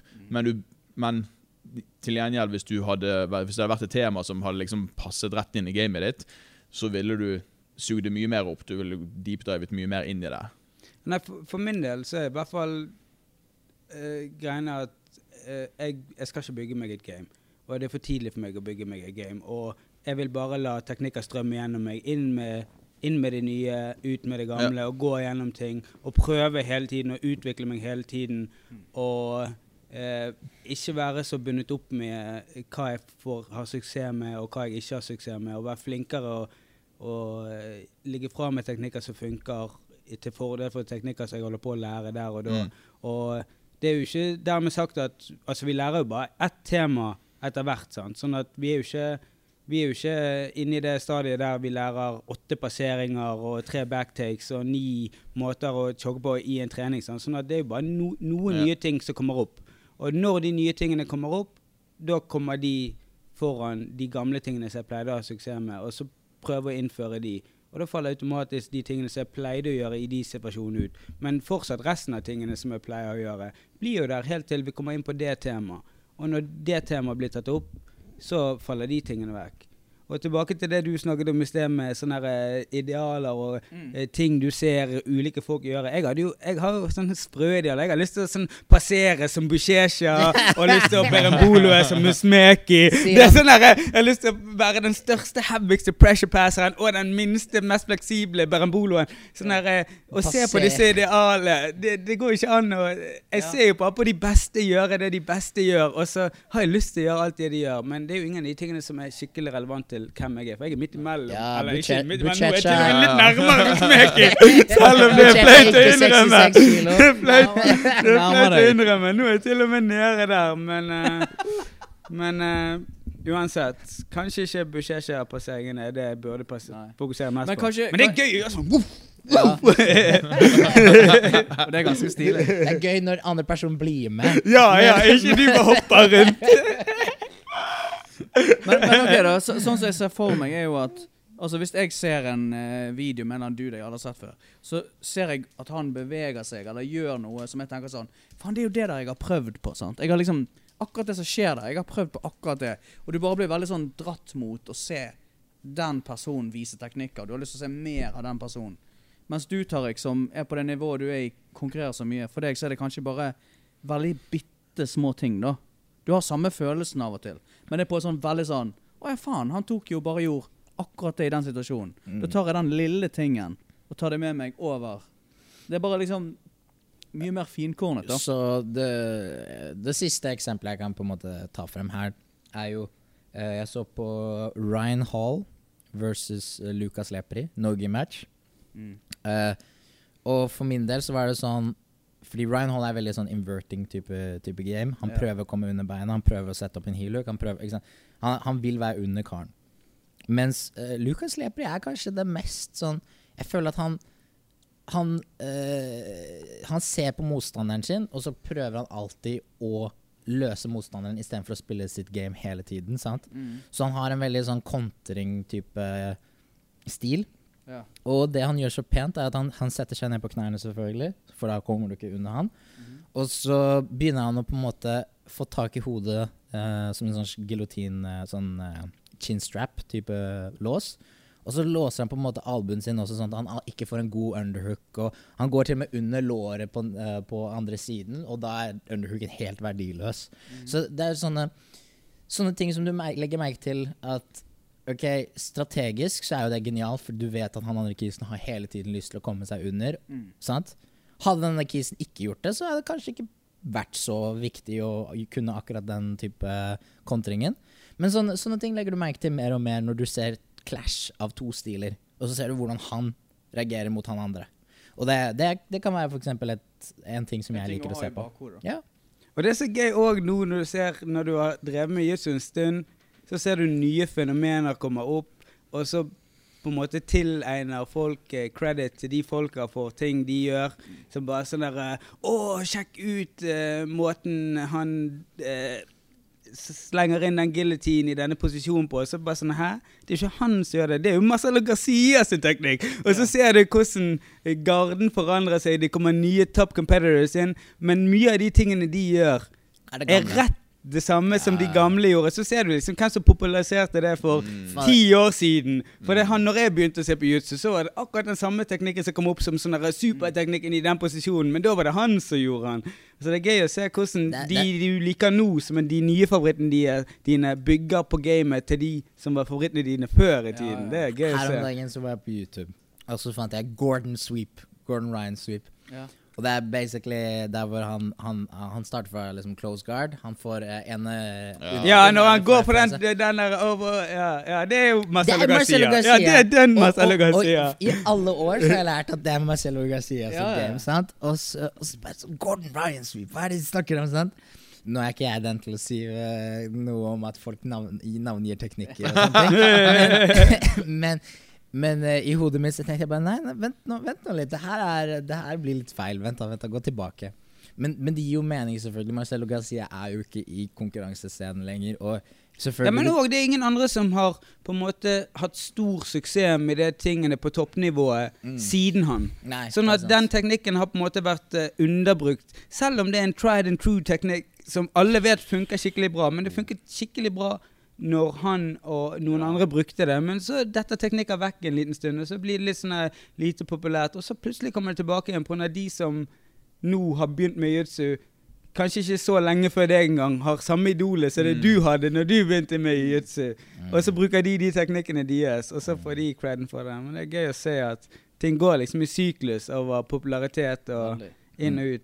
Ting som er effektivt, er fortsatt effektivt, som var effektivt ti år siden. Det er bare nye folk som bruker det. Og Jeg tenkte en, eh, en siste post før vi svinger av. For jeg tror, vi er, jeg tror dette er den langste episoden vi har gjort. Oi, satan. Eh, Sorry. Men eh, Sorry, ja, meg. det? Hæ? Ja, det er din feil. Å ja, det er min feil. Ja, Vi har jo savnet Nei, nei, men uh, Nei, det er jo bare hyggelig. Men uh, nå har vi snakket jævlig mye om hvordan det er nå for tiden, og hvordan det var før. Liksom. Hva, hva, hva tenker vi fremover? ja det er jo jævlig godt spørsmål. Jeg vet jo at du, du har jo blitt stanset litt nå. For din Ja. plan var jo å gjøre ferdig bacheloren din, og så liksom satse litt på jitsu nå, og Ja. trene skikkelig, og konkurrere og gjøre seminarer. Ja, så sannheten er jo at uh, Tingen er Jeg har jo En er at jeg blir ferdig med bacheloren min nå i dette vårsemesteret. Og så tenkte jeg jeg har lyst til å satse på jiu-jitsu og virkelig prøve å uh, konkurrere, få seminarer og gjøre det til min living, da. Men eh, ettersom eh, korona kom, så var det litt Eller i hvert fall jeg kan predikte at det, det er ikke det første folk kommer til å investere i, er seminarer fremover. Og det er jo ikke så rart, ettersom at de har mer enn nok å holde seg oppe på beina. Eh, så det er jo andre ting jeg må på en måte ty til. Så min første reaksjon var jo på en måte å søke inn på andre studier, for jeg tenker jeg kan i hvert fall være en fattig student videre, sant? og så er det null stress. Men eh, nå, mens vi har på en måte har vært i karantene, da, Så har jeg på en måte brainstormet litt med Christian, og altså Jeg har rett og slett konkludert med at jeg må, må adaptere litt til situasjonen. Så akkurat nå så har vi begynt å sette opp en online eh, page. Tariq BE. Mm -hmm. Just saying. Websiden kommer. Det, det er un under the making. Så jeg lager nå YouTube-kanal og har egentlig filmet litt sånn eh, content. Men uh, selvfølgelig, jeg har ikke tenkt å um, holdt jeg på å si, konkurrere med de største bibliotekene der ute, sånn som eh, Keen Cornelius og Kayotera og sånt. Det her er litt mer følg med på hva jeg gjør uke til uke, og det kommer til å være et perfekt tiltak for oss og de som trener med oss her i Frontline Bergen. sant? Mm. I hvert fall de som ikke får vært med eh, eller lært noen teknikker, så kan de i hvert fall gå inn og se det på online. Og så eh, kommer jeg sannsynligvis til å tilby litt online coaching der på siden òg, så det blir bra. Ja, ja, ja. Kult. Så eh, Nærmer det seg åpning av, uh, av, av disse nettsidene? Ja, det, det nærmer seg. Det nærmer seg. Jeg har ikke, jeg har ikke en sånn fast dato, men jeg, jeg tror det blir kjempebra. Det gikk akkurat opp med meg at det var jævlig synd at vi ikke Nei, det no, booket en annen nettadresse. Jeg kan ikke si det høyt nå, for nå kommer noen andre til å gjøre det. Så skal jeg rett hjem og booke den. Men jeg Ja kom på en jævla fet nettadresse vi kunne tatt noe istedenfor. Du kan bare la være å legge ut denne episoden Ja. etter du har booket den. Så Ja. kan Det du var si faktisk det. jævlig sånn! det er ikke live, det er ikke live. Hva kom du på noe annet? Nei, Det er bare, for nå har vi tarikbeia.com. Hvorfor i helvete har ikke vi booket Tarik og Plata? Nei Fuck yeah. Altså, det, Nei, nå det, skal jeg hjem og booke den. det er viktig, men ja, ja. Nei, så, Så så kan kjøpe den av meg, da. Nei, fordi eh, det blir jo bra. Jeg tror eh, så lenge vi selger på en måte gøy og moro og Men, men må du liksom klargjøre veldig mye før du starter? Altså, ikke det bare å åpne det opp? Jeg tror en av tingene som vi har snakket mye om og vi har tenkt på, er at hvis Tariq skal begynne å filme litt og legge ut ting fra hverdag og trening og Mm. masse forskjellige det, er jo, altså, det, det vil jo bli en sånn gøy greie hvis man kan filme når han reiser på seminarer og eh, bare litt sånn hverdagslig jitsu-liv. sant? mm. Så tror jeg det vi har snakket om å gjøre nå mens ting på en måte er litt stengt ned, Mm. er gjort innenfor rammer og betingelser som òg vil fungere når ting åpner opp. Mm. Ja. Sånn at man ikke overcommitter til noe nå, og så når ting, la oss si at alt åpner opp om åtte uker, og så kollapser alt vi har planlagt, fordi det da er plutselig hverdagen tilbake, og da har ikke vi tid til å gjøre det. sant? Så vi prøver liksom å strukturere det på sånn måte at ting vil fungere. Så tanken er jo at når jeg underviser her, så vil jeg bare vise de teknikkene også. Sant? Mm. Og så var det litt sånn at jeg tenker det hadde vært jævlig fett å få folk til å spørre inn spørsmål. Og så kan man på en måte recappe litt på hva man gikk gjennom uken, og så gå gjennom spørsmålene. Men så blir det sånn, ok, hva hvis vi får random spørsmål om ting eh, fra tre uker siden, eller fem ikke sant, uker siden? Så tenker jeg sånn, vet du hva? Der kommer, der kommer prisgrensen. Der skal du begynne å betale nå. Ja, hvis, du, hvis du skal begynne å spørre om ting. Men disse online-treningene, online-coachingene, hva, hva er tanken bak det? Hvordan kommer det til å foregå? Så uh, tanken min er egentlig Det kommer litt an på personen. sant? Først og fremst så må du jo finne fram hva, hva målet deres er. Uh, og én er jo at man kan jo være litt sånn OK, jeg har lyst til å se dine, eh, dine kamper. Jeg har lyst til å se på en måte investere litt av tiden min til å studere gamet hans, og så se hva han på en måte mangler, eller eventuelt uh, hva han kan forbedre. Så breakdowns Så litt sånn breakdowns, analysis, og, og eventuelt hvis det er en spesifikk kamp de ønsker kjempemye fokus på, så kan du på en måte til og med gå inn og edite og putte litt streker og vise liksom, her, vise her skjedde. Here you knew you fucked up, eller et eller annet Ja. sånt. sant? Så eh, det, det er på en måte det ene. Og det andre er som f.eks. spesifikke teknikker der hvor Hei, du vet Tarikoplata, kan jeg lære Tarikoplata for deg? Og én ting er på en måte å se på min DVD sant? når du, du lærer teknikken, men en Ja annen da, ting er at jeg kan ja? Og jeg kan gi deg feedback, og jeg kan se, ikke sant? Mm. Så det er en eh, bonus. Og en annen ting er eksempel Hei, jeg suger i close guard. Hvor, uh, hva kan jeg gjøre herfra, liksom? Og det er fair nok basic. Så jeg tror, jeg tror du kommer til å få litt av de ulike uh, approachene, da, ettersom hva folk er ute etter. Sant? Selvfølgelig det mest langvarige er jo sånn folk som har lyst til å Hei, jeg har lyst til å develope gamet mitt, jeg har lyst til å bli bedre og sånne ting. Og da blir det jo mer en sånn langvarig prosess. Men, men uh, ja, jeg tror vi kommer til å få litt av hvert, egentlig. Ja, men jeg tenkte kanskje du kunne òg fortsatt med de Zoom-undervisningstimene dine, bare med spesifikke BI-drills. Ja. Hvis folk har drillepartnere, om det kunne vært noe Definitivt. de kunne holdt på med. Og et bedre kamera. Hva slags iPhone er det du har? Nei, jeg bruker ikke iPhone med jeg bruker PC-en. Ja, men det er det jeg spør. Hva Ja, slags iPhone er det du det er iPhone 6. Ja, da skjønner jeg.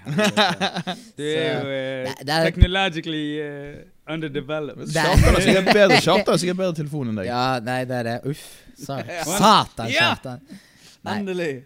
Men, men altså, poenget er at det er et par sånne små ting som må gjøres om. Og, uh, Du må låne Gild sitt utstyr, med andre ord.